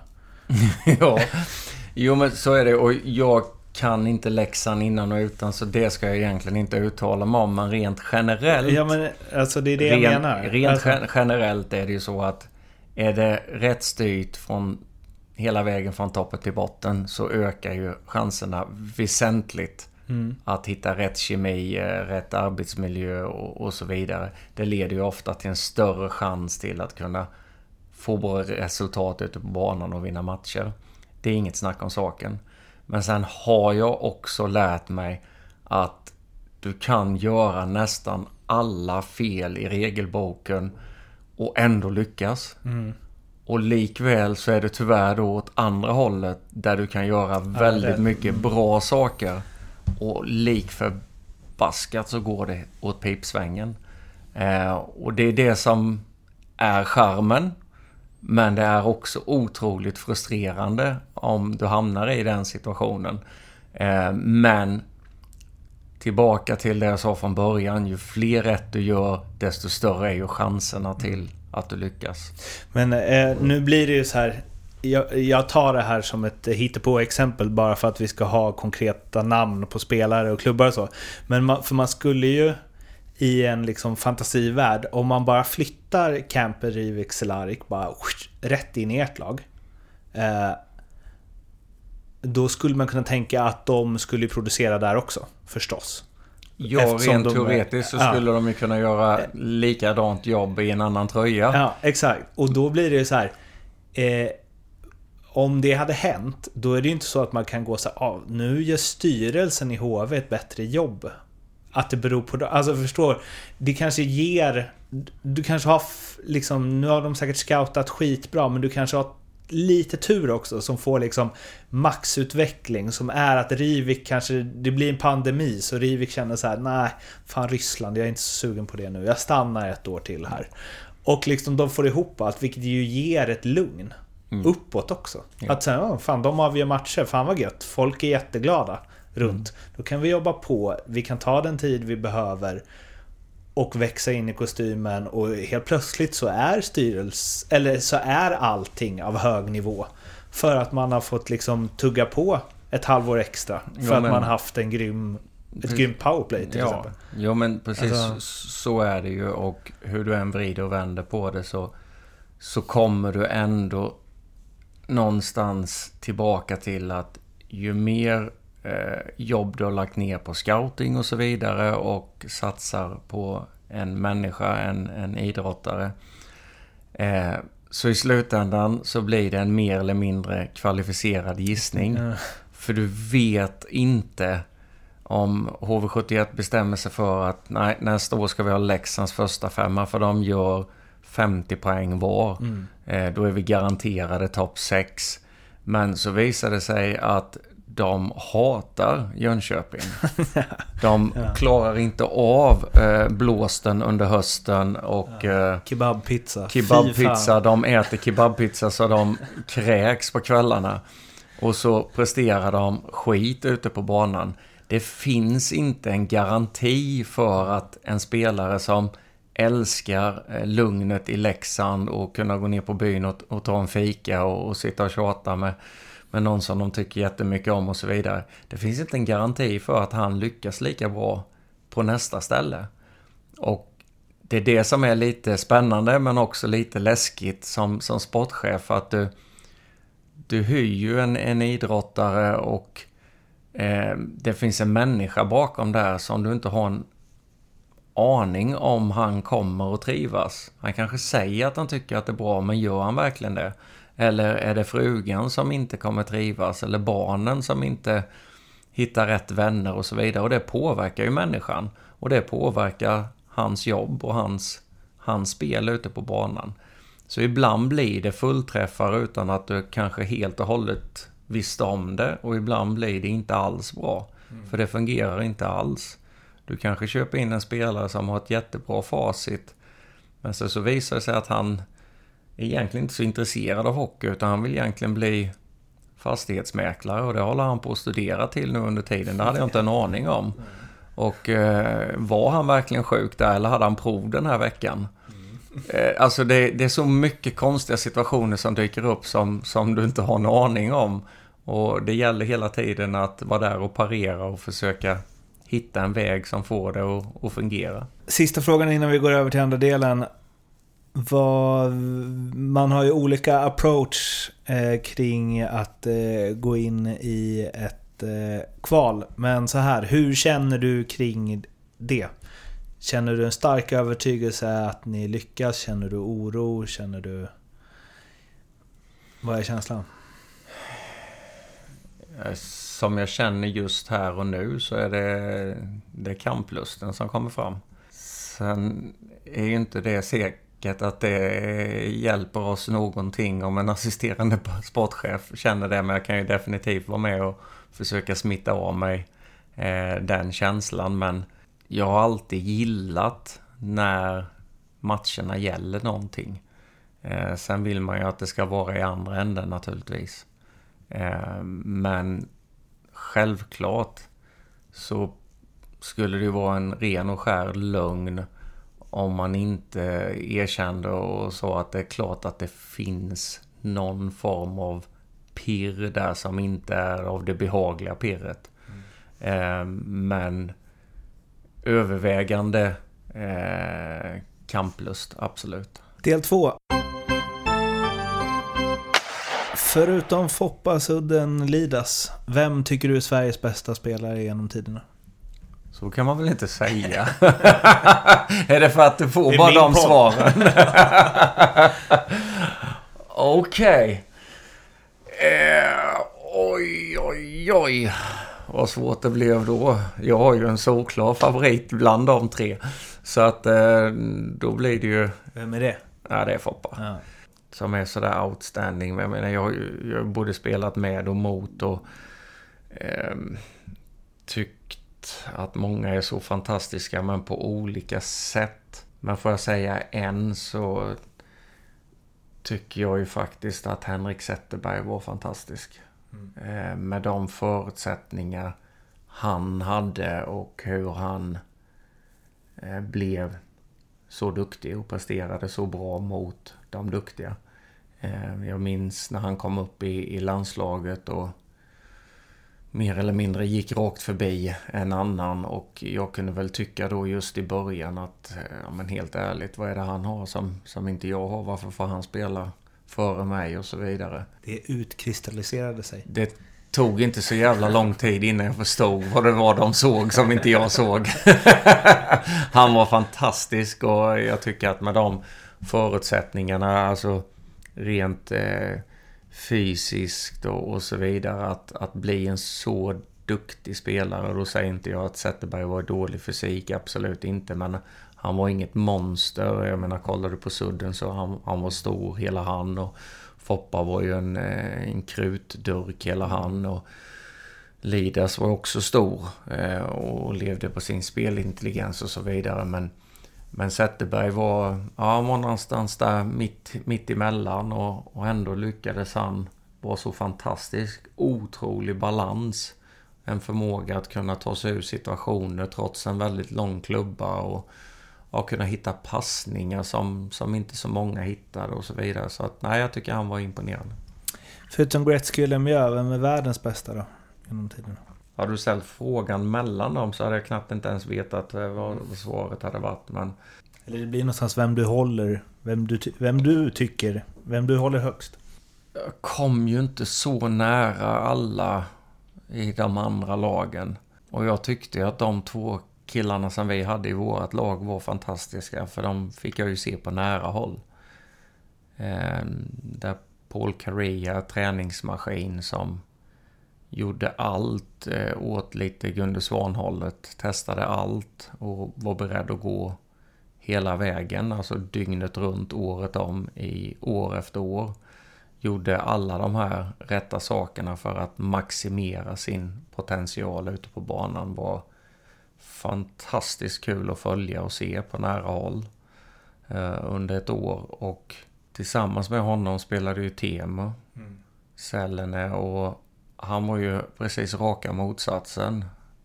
100% talang. Som inte kanske slet ihjäl sig på träningen och dök upp rätt sent till matchen och så vidare. Och grejerna satt ju halvt, halvt påkopplade på kroppen på honom. Och det började, han började byta om typ fem minuter innan vi gick ut. När en annan hade suttit där och frustat i tre, tre minuter, eller vad säger jag, 30 minuter och bara redo för att gå ut och liksom komma. Åh, oh, nu är det match! Ja, då slänger vi på oss grejerna och så stack han ut där så kunde han vara osynlig i 55 minuter av 60 och sen bara helt plötsligt så hängde han två baljer och så mm. gjorde han en assist och så hade han lika mycket poäng som jag hade på hela säsongen i stort sett. Så nej, det var också så fantastiskt roligt att se men jag är ju fullt medveten om att det fanns ju några sådana här killar i, i ligan, men jag fick inte se dem på nära håll. Men förutom de där två stora så, så tycker jag att, och våra svenska hjältar då. Men, men nu kommer jag på, får jag välja en av mina mm. svenska hjältar? Ah, ja. Då säger jag overall Peter Forsberg. Mm. Inget snack. Vad tänkte Jo, men Andreas Johansson berättade någon gång, kommer jag ihåg, att eh, eh när Pavel Bure kom till New York Rangers. Ja. Eh, att han hade ju bara glidit in så här, kort direkt innan eh, genomgången. Inte värmt upp eller någonting och att eh, Andreas tänkte att bara Alltså vad, han är bara här för att hämta deg liksom. Vilken jävla diva. Här har man liksom stått och lindat klubban och man har värmt upp på cykeln och hej och. Och sen så efter gick han och satte sig på cykeln fem minuter, gick och bytte om och gick in och gjorde hattrick. Liksom. Mm. Ja, det... Jag vet inte om de finns idag, men det fanns ganska många av dem mm. då. Eh, och under den korta tiden som, som jag var där så, så förstod jag ju att det handlar inte om... Du vinner inte så många poäng på det där du gör vid sidan. Mm. Utan det är det du gör under de där 60 minuterna. Sen skiter de fullständigt i om du är på gymmet mm. sju timmar om dagen eller om du sitter i någon sportsbar och hinkar bärs. Mm. Utan det är 82 matcher plus slutspel och det är det du presterar där och då som räknas. Allt annat är helt oväsentligt. Och det var ganska nytt och annorlunda för mig. Mm. Eh, som också då hamnade som Svenne Banan lite i det här. Åh, oh, jag måste visa tränaren. Jag måste visa honom hur duktig. Bäst i klassen. Ja, bäst i klassen. Men det hade du inte ett skit för hur bra du var på träning. För det, det, det, det gav inte honom några segrar på matcherna. Så att...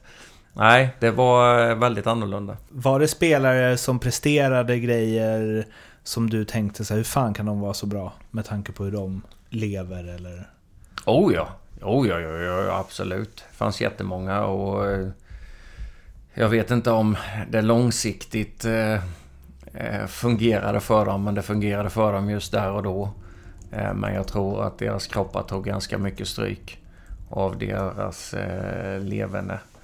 Mm. Eh, och då tänker jag egentligen inte bara i NHL utan även när jag var i AHL så, så var det väldigt många spelare som levde kanske mindre hälsosamma liv och det tror jag inte lutade mot något gott efter karriären men just där och då så var de kungar och eh, hade det fantastiskt. Henrik eller Daniel Sedin?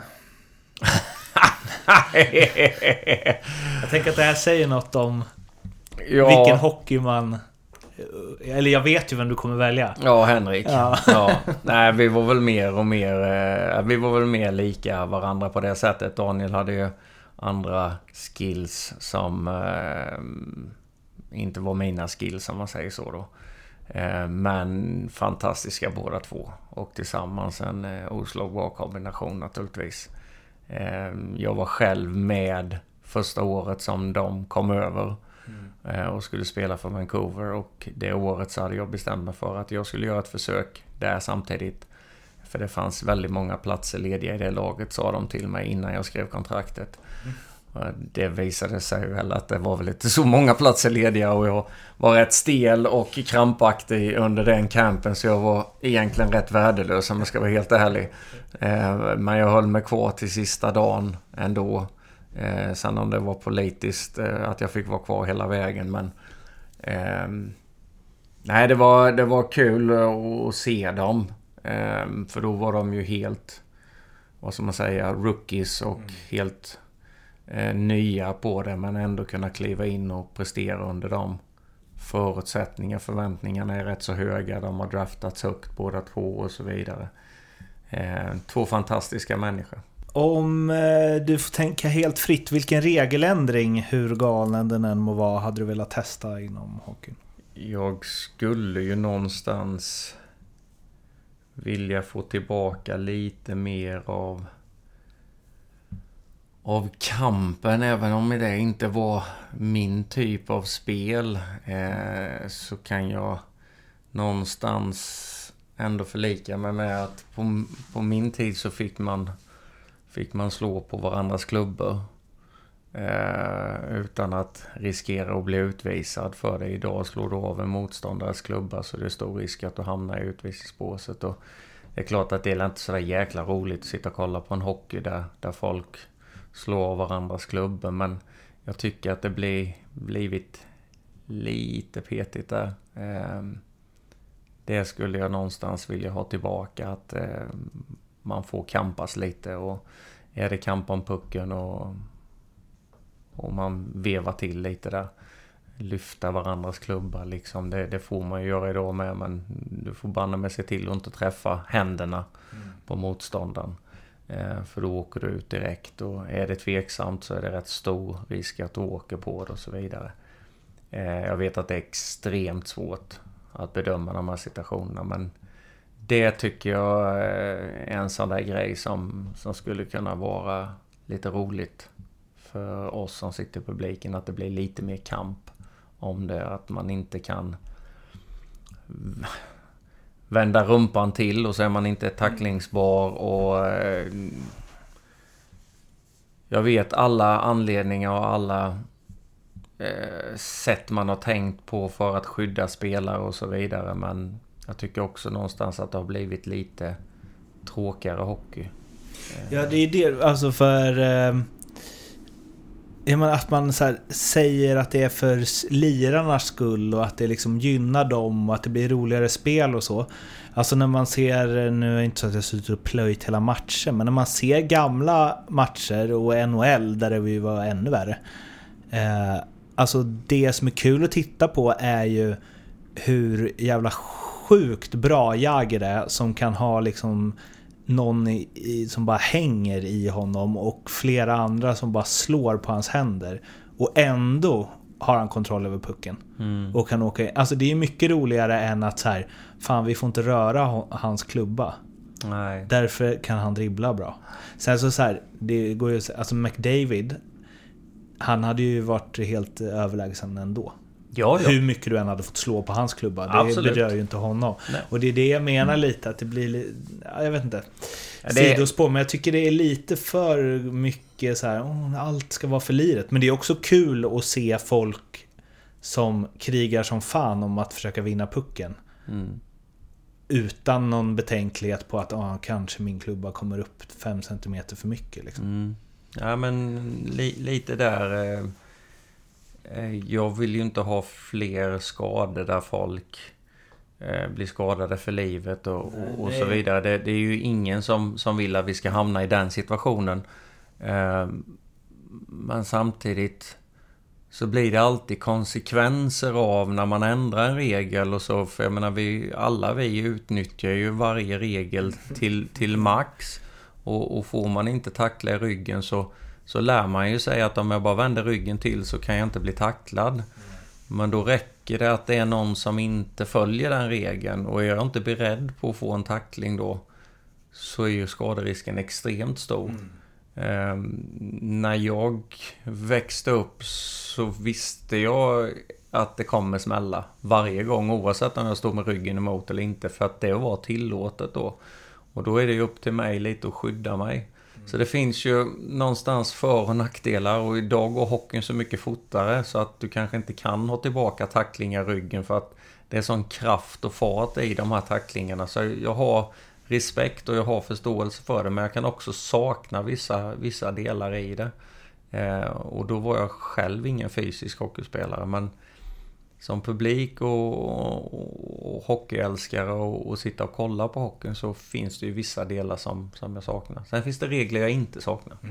Mm. Eh, jag har ju den här podden varje vecka med eh, Fimpen, Jocke och Arla och Fimpen tar ju ofta upp att liksom Ja men hur, vad man, vem man får tackla och vem man inte får tackla. Och han, det här leder ju ända ner till eh, barnhockeyn liksom. Att så här, ja det kanske inte är någon bra idé att de åker och dribblar mot koner hela vägen upp till de är 15. Alltså till slut kanske de ska dribbla mot någon som de faktiskt kan åka in i. Ja.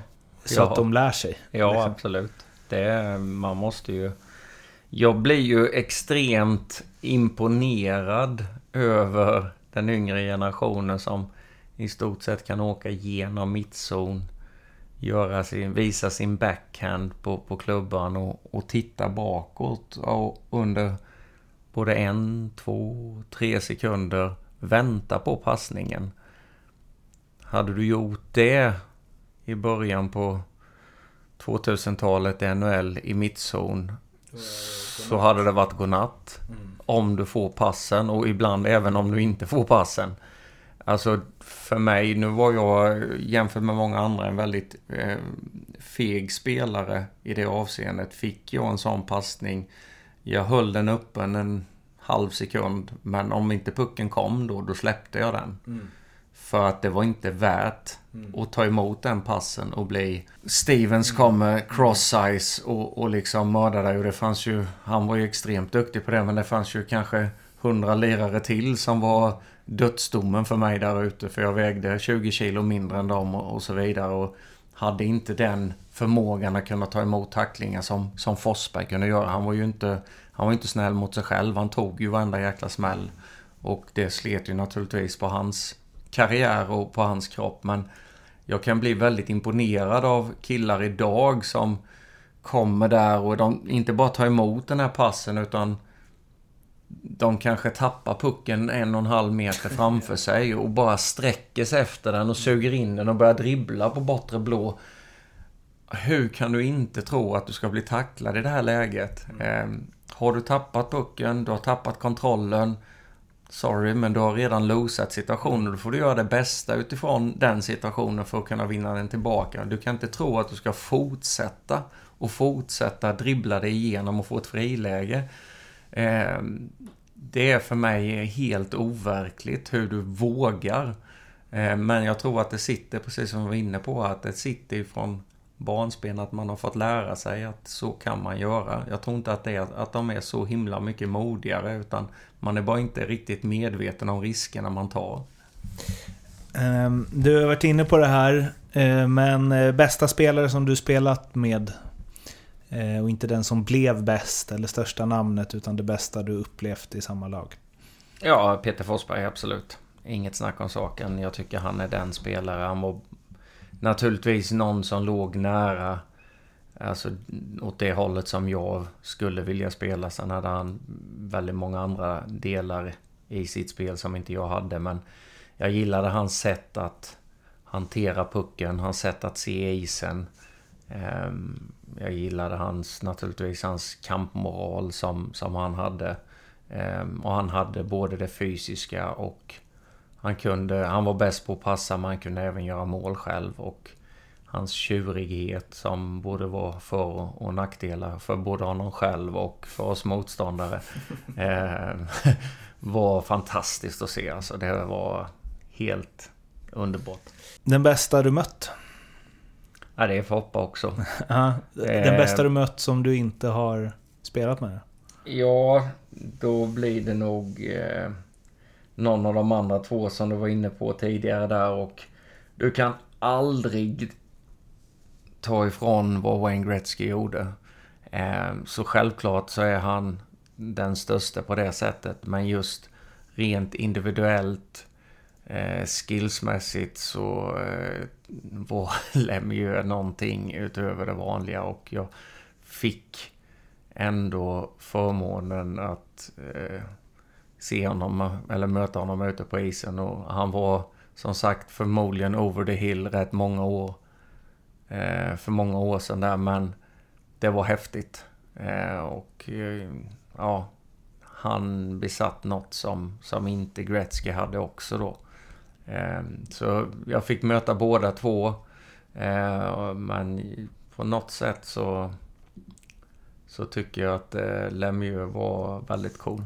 Om du får plocka ut tre spelare som du spelat med som du vill nämna lite extra av olika eller samma anledning. Vilka blir det då? Men jag var ju inne på eh, tidigare där med Paul Correa och mm. Tim Sellen. Och jag fick spela tre matcher på raken med dem en gång där. Och, I samma line? I samma line, ja. Och eh, jag tror att våran första center var skadad och jag fick chansen att hoppa in där. Och första matchen vinner vi 3-2 och vi hinner på alla tre målen. Andra matchen vinner vi men vi gör nog bara ett eller två poäng. Och tredje matchen fick vi stryk och jag tror inte vi gjorde någon poäng. Och då visste jag väl, det var inte svårt att lista ut vem de skulle plocka den från den formationen. så det började bra men det höll liksom inte riktigt i sig. Ehm, och eh, det, var, det var helt okej okay, men eh, det var fantastiskt roligt att få uppleva att bara för första matchen jag spelade med dem var hemma mot Rangers och eh, då tekade ju jag och det var mot Wayne Gretzky, mm. eh, Kamensky och Nomi. Det var liksom så här häftig moment. Och jag som inte under någon gång under min uppväxt har varit starstruck på något sätt. Men det var häftigt. Det var väldigt häftigt att glida ut där på isen utan hjälm och stå där under nationalsången. Och, och sen få ställa upp och jag, jag hade gett mig fasen på att den här teken ska jag bara ha liksom. Och jag tror inte han ser pucken ens. Inte för att Gretzky var så jäkla bra på teka, men jag var nog för starstruck eller någonting för att jag fan var inte ens nära att vinna den teken. det, är, det är allt där också. Det är liksom Mighty Ducks, den mest kända hockeyfilmen. Det är det stället ja. och liksom det är ja. New York och ja, häftigt. Eh, jag måste bara säga det, för jag var inne och kollade på eh, eh, Anaheims trupp där när du lirar med dem första året. Det var andra är också imponerande, men första året så gör alltså i interna poängligan gör Källen 107 poäng. Korea 101 och på tredje plats Steve Rushin 62. Ja. Han gjorde alltså 40 poäng färre än dem. 40, 40. Hur i helvete går det till? Ja, han eh, jobbade ju för tre i försvarszon kan man ju säga. okay. Okay, okay. De, eh, de var ju extremt offensiva eh, förmågor. Men kanske inte de som slet ihjäl sig i försvarsspelet. De ville inte vara på den sidan överhuvudtaget. Eh, Paul jobbade nog lite hårdare än vad Temo gjorde. Men de var så jädra snabba. Så jag fick faktiskt, jag vet inte om det var första eller andra matchen jag spelade med dem. Så fick jag faktiskt en assist på ett slagskott från bakom eget mål. Som var tänkt som en icing, liksom bara få ut puckjäveln. Och den studsar så hårt i sargen där nere så den kommer ju upp nästan upp mot blålinjen. Och vem kommer där om inte Temo? Och vem kommer jämte honom? Ja, Paul Carrea. Temo tar två skär, passar över till Paul Carrea, pang rätt upp i nättaket. Och jag glider ut i båset med en andras liksom på en stenhård slagge från egen zon. Där kan man snacka om gratisassist och Steve Ruchins eh, 60 plus eh, där eh, var nog några sådana mål. Men han fick slita hund över hela banan kan jag säga emellan de två. Han var, han var väldigt, väldigt duktig på den uppgiften.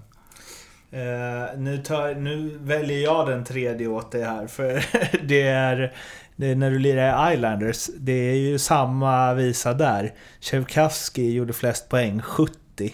Tvåan yeah. gjorde 42. Ja. När jag blev tradad dit så var de redan ute ur slutspel. Jag byttes ju med Jörgen Jönsson som hade varit där och jag blev bytt från Anaheim då, så vi bytte plats. Och när jag kom dit så var det... Man hade ju gett upp säsongen. Ehm, man hade väl släppt någon spelare eh, utöver Jörgen och vi var ett rätt så ungt lag. Och det var ingen som brydde sig egentligen om vi vann eller förlorade utan man började bygget för säsongen efter. Så varje match vi vann var ju som att vi hade vunnit Stanley Cup där inne och torskade vi så var det inte sådär jäkla deppigt utan det var det var en sån här skön, härlig känsla på något sätt att vi har allt att vinna. Vi kunde få stryk 7-1 eh, vet jag vi torskade mot Pittsburgh hemma. Vi åker direkt efter matchen flög vi upp till Toronto var det väl, ja. Och vi kommer fram till hotellet, coachen tar in oss på rummet. Och vi tänker nu jävlar vad själv vi kommer få nu. Men inne på rummet så stod det ett helt gäng med backar öl där han sa att ingen lämnar rummet förrän ölen är slut. Och där satt vi och kämpade till rätt sent eh, in på natten. Och när ölen var slut så fick vi gå till våra rum och sen så spelade vi mot Toronto dagen efter. Eller ja, laget spelade mot Toronto. Jag tror jag satt på bänken. Jo, det gjorde jag. Jag satt på bänken. Jag hade spelat i första linen dagen innan. Och dagen efter så är jag inte ens med i laguppställningen. Utan jag satt längst ut och det var gamla Make Believe Garden. Och jag satt längst ut på kanten på bänken. Och eh, för de som inte fick uppleva den gamla arenan så, så satt faktiskt publik emellan lagen. Mm. Nere vid, vid plexit. Så precis när matchen ska börja så får jag en knack på axeln. Då får jag resa mig upp för då kommer en med popcorn och korv och ska in och sätta sig jämte mig där vid. det luktar så jäkla gott. Men eh, man fick hålla sig... lite bakis? ja, fick hålla sig lite borta från popcornen där vid. Men eh, det var en sån här häftig, konstig och surrealistisk upplevelse. Men det var också sådär att fasen, det här skulle aldrig hända i, i, i Sverige mm. liksom. Men det gjorde de där och då. Och jag tror vi spelade 4-4 där matchen mot Toronto och så flög man bara vidare liksom. Det är inget dåligt eh, antal, eller liksom status och eh, matcher i SHL i den här Islanders-upplagan. Alltså Jönsson som ju byttes mot dig Jörgen Jönsson, Kenny Jönsson, mm. eh, Niklas Andersson. Ja. Eh, och sen så du då. Det är... Undrar om de har... Och Micke Andersson också. Undrar om de har koll på... Eller så här. Du mot Jörgen Jönsson. Det känns som en trade som borde fått mer, eller så här, i efterhand, ja. blev mycket större än vad den var där. Jag tror att det var så att Jörgen hade gjort klart att han inte skulle ah, vara kvar ja, nästa förstås. år. Och jag tror att Anaheim ville göra ett charmförsök på Jörgen för att han hade spelat bra i Islanders.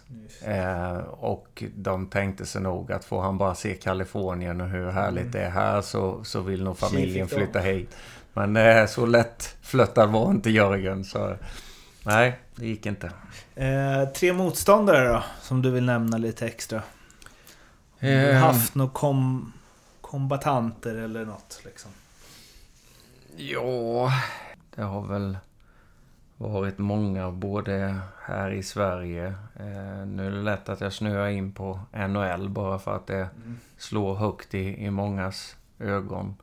Eh, Mark Messier var ju en sån.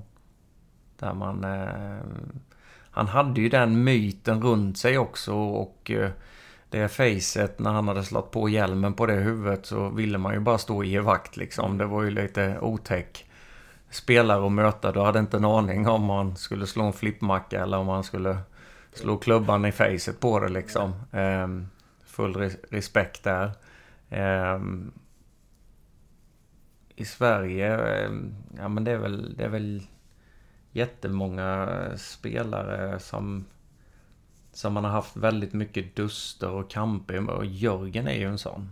Mm. Jag menar, spelat hur mycket slutspelsmatcher som helst emot varandra. Och han i Färjestad och jag i HV och vi möttes, kändes som att vi möttes varenda jäkla år i slutspelet.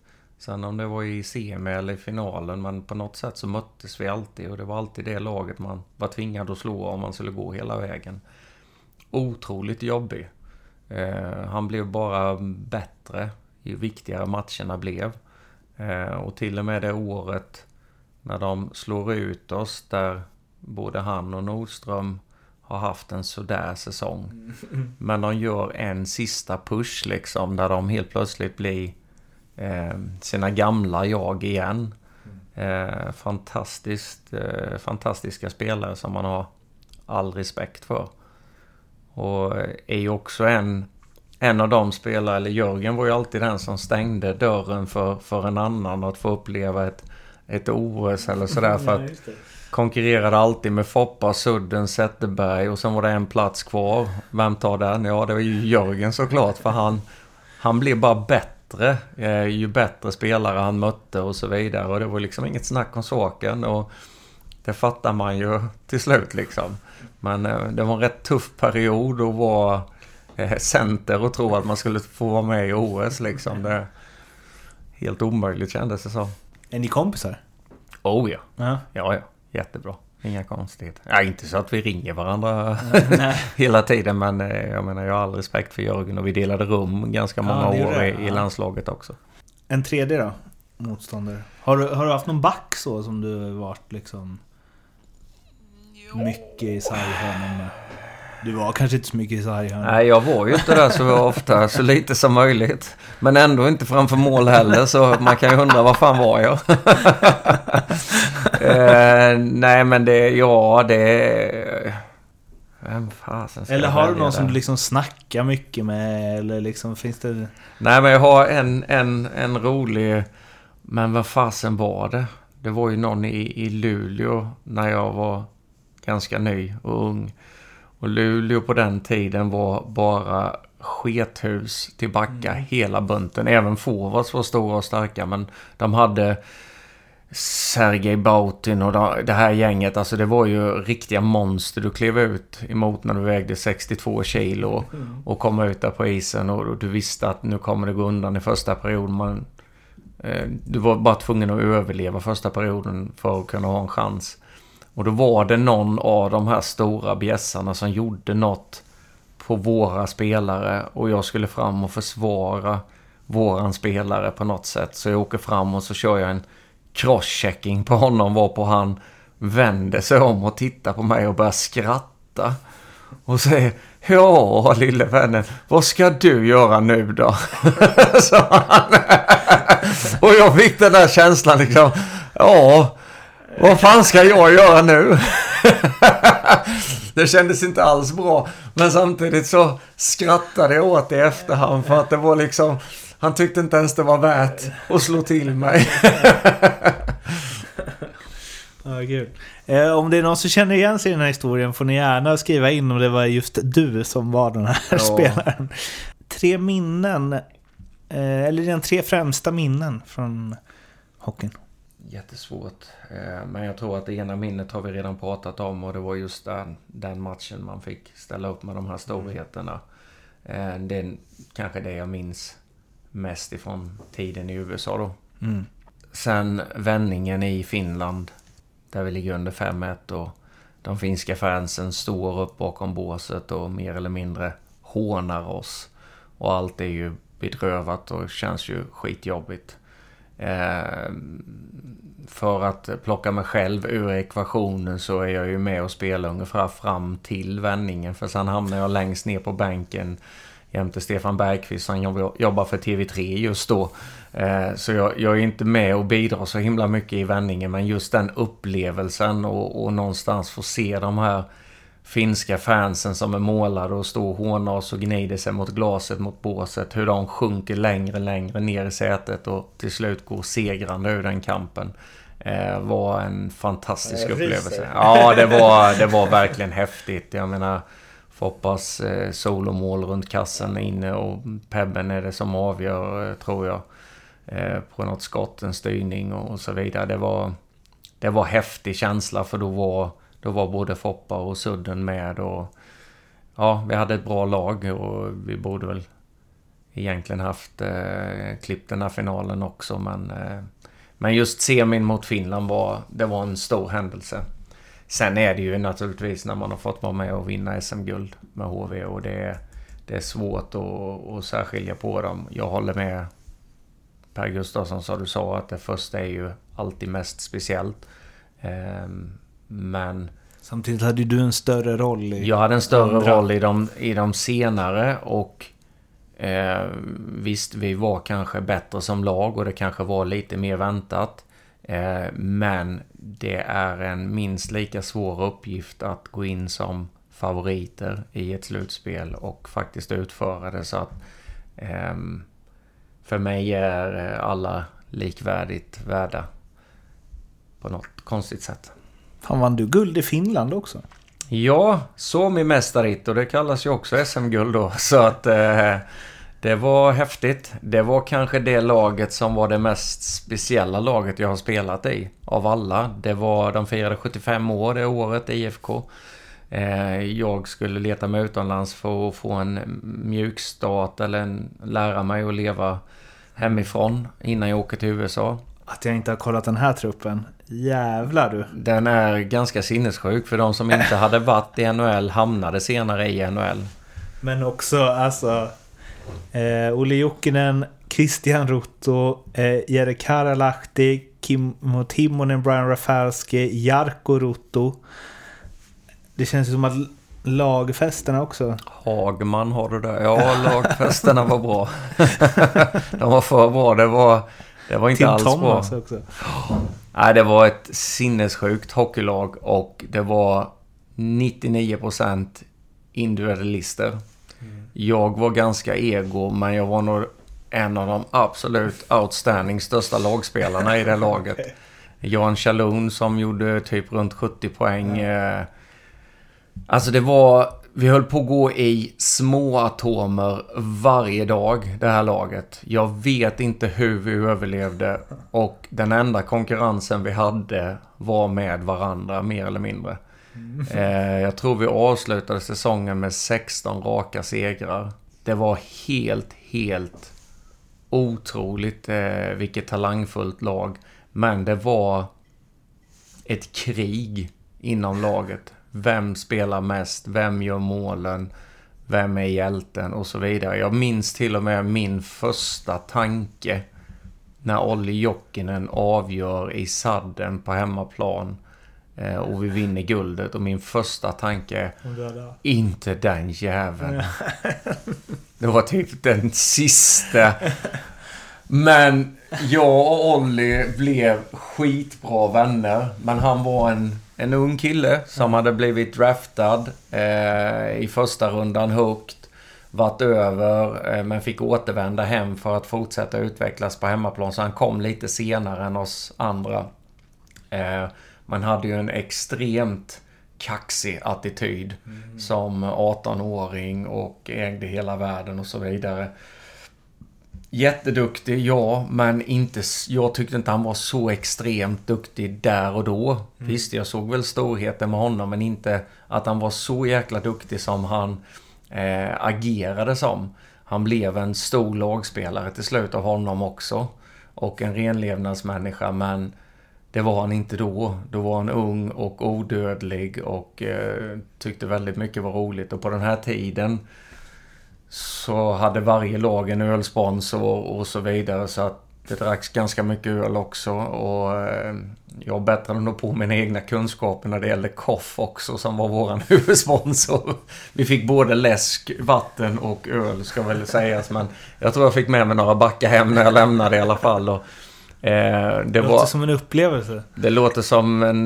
Det var en upplevelse och det kanske inte var den mest ultimata upplevelsen i förberedelse för att åka över till USA. Men som sagt, jag eh, skulle aldrig vilja ta bort det året heller för att jag fick uppleva extremt mycket. Han Kalun, eller hur man uttalar Jan det. Chalon, ja. Ja. Jag hade, jag hade hört talas om honom. Men året efter så gjorde han ju 81 poäng på 51 matcher. Vann, Ja. vann poängligan med 23 poäng. Helt Och bra. då... Snitta 1,6 poäng per match. Ja, och då hade ju laget mer eller mindre upplösts efter det här guldåret. För man satsade väldigt mycket pengar, köpte in allt man kunde komma över i Finland av bästa kvalitet så att säga då. Och sen så kryddade man upp det med lite utländska spelare. Ehm, och året efter så var det väl, jag vet inte hur många som var kvar men det var rätt många som försvann. En del åkte till NHL och jag tror alltså, jag tror nästan alla, Kaj Linna, Kultanen, backar som man, många inte känner till. Eh, de var också i NHL och spelade. Mm. Eh, någon fick avsluta på grund av hjärnskakning och så vidare. Brian Rafalski vet vi ju vann Stanley Cup och så vidare. Vi hade en amerikansk med grekiskt ursprung, eh, Bob Halkidis, som var hos oss som back. En ren fighter som kom direkt från Detroit.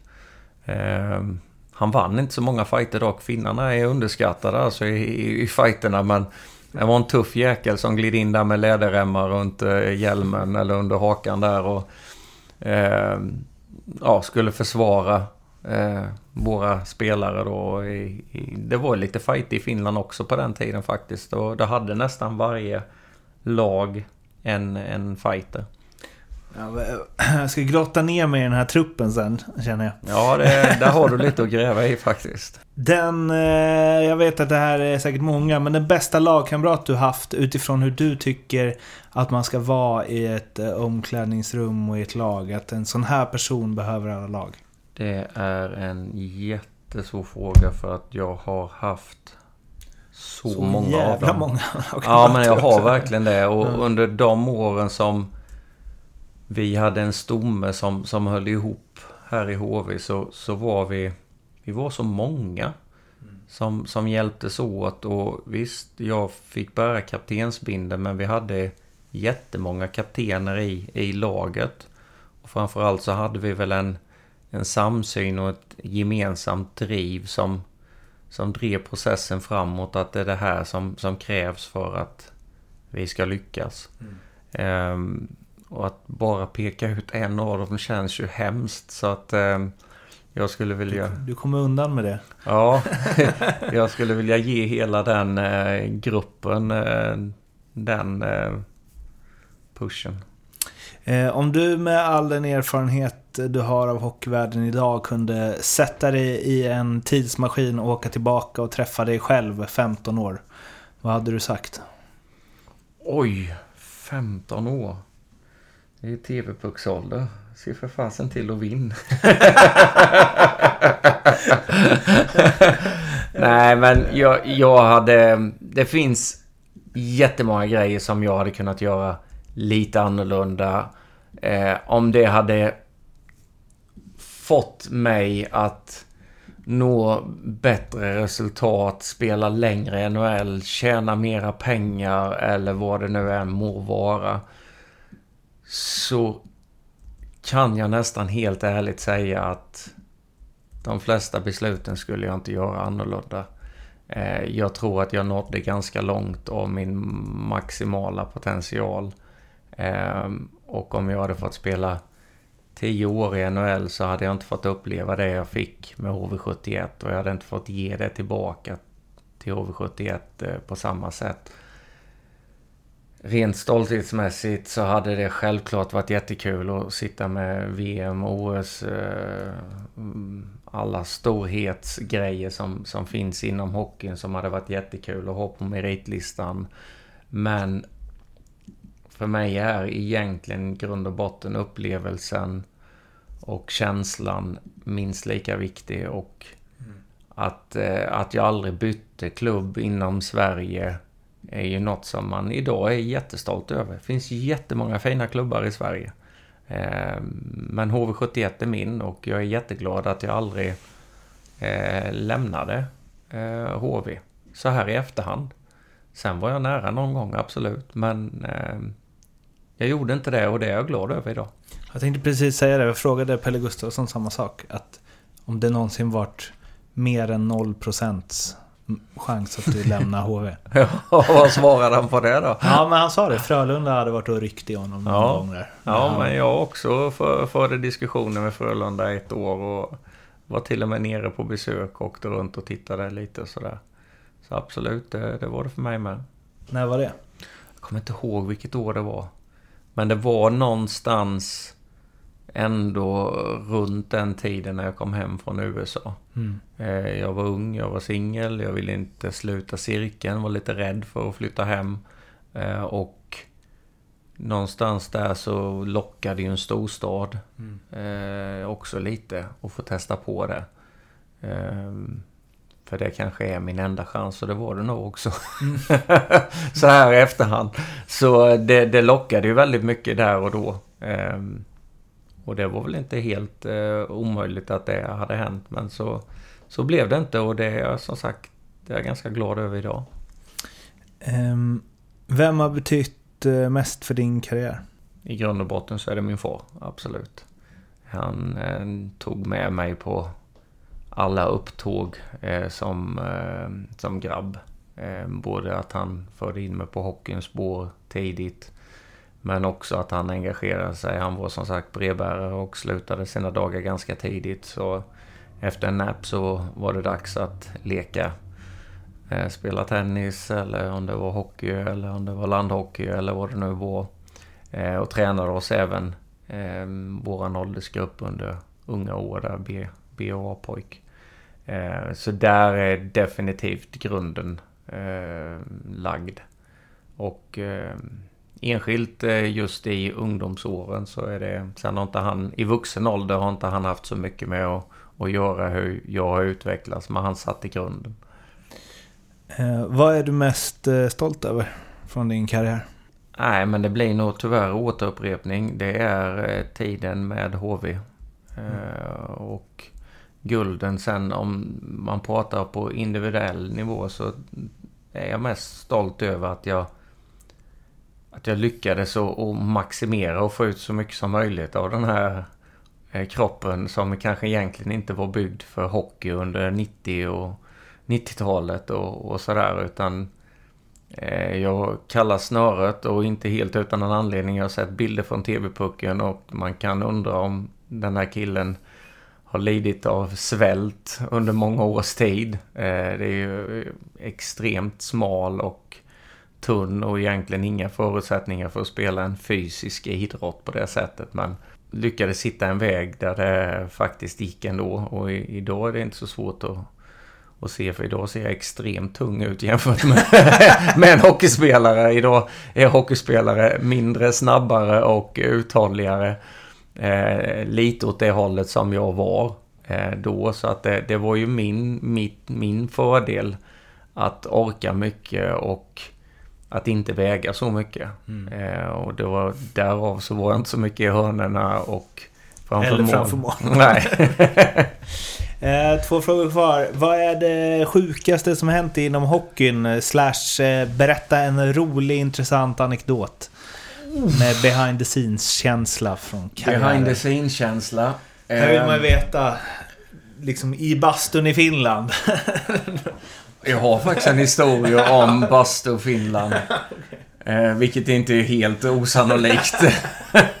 Naturligtvis. Finland är Finland. Och grejen är att när vi hade vunnit så i Finland så är man rätt... Eh, I alla fall då så var man väldigt duktiga på att fira. Det skulle firas ordentligt. Och det gör man inte på en kväll. Eh, eller två. Utan det ska firas länge och jag vet att klubben hyrde de hade väl mer erfarenhet än vad jag hade då som hade noll. De hyrde en relaxavdelning i en vecka.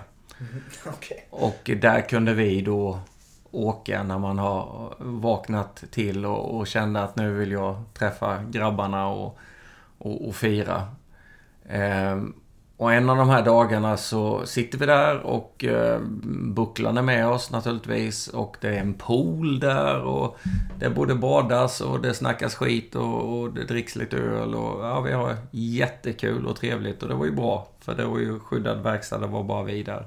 Och det fanns vakter där som såg till att det inte skulle spåra på något sätt. Alltså att det rullade in folk. Så att där satt vi och hade trevligt. Men då tog ju veden slut i eh, braskaminen.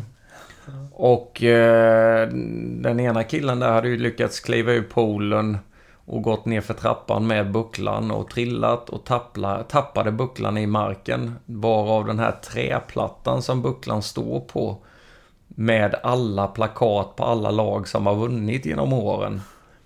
de här träbitarna gick i tusen bitar eller delade på sig i alla fall. Och utan att jag visste om det så var det ju någon spelare som bara så åh trä och kastade in det i elden. Dagen efter så var det karaktärsbilder i tidningen på hur vi sitter runt en lägereld och grillar bucklan. Blev ju lite kryddat naturligtvis men det var delar av bucklan som blev brända och om man säger så här där rök våra slutspelsbonusar. De såg vi inte röken av för jag tror klubben fick rätt så rejäla böter för att den här bucklan eh, tog rejäl skada. Det var ju en gammal buckla som inte kanske borde varit med oss där. Men ja, det, det, det var den ena och jag har faktiskt en från USA även om den kanske inte är lika grov. Men varje resa när vi var ute och, och reste på roadtrip så, så går man ju ofta ut och äter själv på kvällen. Eh, det finns ofta lagmat och så vidare också men i många fall så, så går man fem, sex stycken ut och käkar. Och då var vi en grupp som höll ihop ganska mycket där. Det var Marshall, en back. Det var Stu Grimson, den store fighten som vi hade i laget.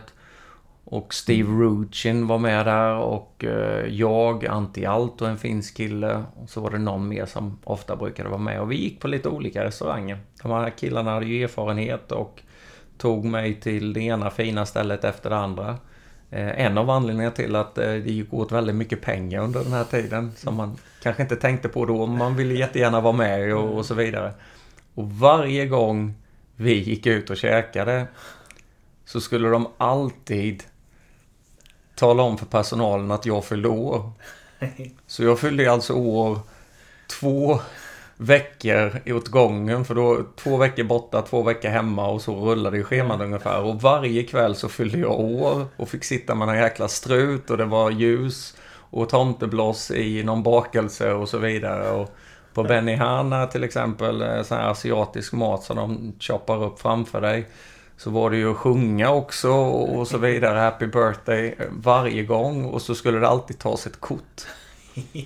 Så varje morgon i omklädningsrummet så satt en bild på mig i strut och tomtebloss och så vidare. Och det här såg ju alla. Alla tyckte det var jättekul. Liksom att nu har han fyllt igen liksom. Jag tyckte det var sådär för att det var ju rätt pinsamt att sitta där varenda jäkla gång. Men jag var yngst, jag var minst. Det var bara liksom att tugga i sig det här. Men jag förstår ju så här i efterhand att tränaren måste ju tyckt att det var något fel på den här liran i laget. För varje dag så kommer han in i omklädningsrummet och ser en bild där jag sitter i födelsedagsstrut. Och Ja, underbart ju. Mm. Eh, inspiration till eh, Jäklar, practical jokes. Ja, eh, sista frågan. Vilken tidigare, om vi säger elitserien-spelare då, tycker du att jag borde intervjua i den här podden? Jag tycker du ska ta och intervjua någon av grabbarna som var med i hetluften nere i Malmö under deras glansdagar där nere. Mm. Om vi dessutom pratar 90-tal så hitta någon av grabbarna där. Sylvegård är väl bra på att snacka? Ja, Sylvegård han, han, han sitter på mycket information tror jag. Nej, men jag tror att det, det kan nog vara en, en ganska spännande resa att höra hur, hur man ur spelarperspektiv hade det under den här perioden. För att det var hårt satsande och väldigt mycket framåtanda. Och eh, en kemi som eh, blev något annat. Eh, än att man har byggt kanske från grunden. Man, man köper in mm. x antal stjärnor och så vidare. Lite det vi var inne på mitt år, första år i, i Finland i, i det laget. Så kan jag tänka mig att det här laget hade lite av samma känsla. Det, man kunde antingen upplösas i miljoner atomer bara på en halv sekund. Men i, istället så blir det en extrem sammanhållning där man har... Ja, man blir väldigt, väldigt bra tillsammans. Så det kan nog vara intressant. Eh, du, eh, nu är jag ju opartisk förstås. Jag har precis sagt att jag håller på Leksand dock. Eh, men vill ändå säga lycka till resten av säsongen. Tack så mycket. Och lycka till med vad du nu dig än tar dig an efter Ja. den här säsongen. Och eh, tusen tack för att du ville vara med. Tack själv.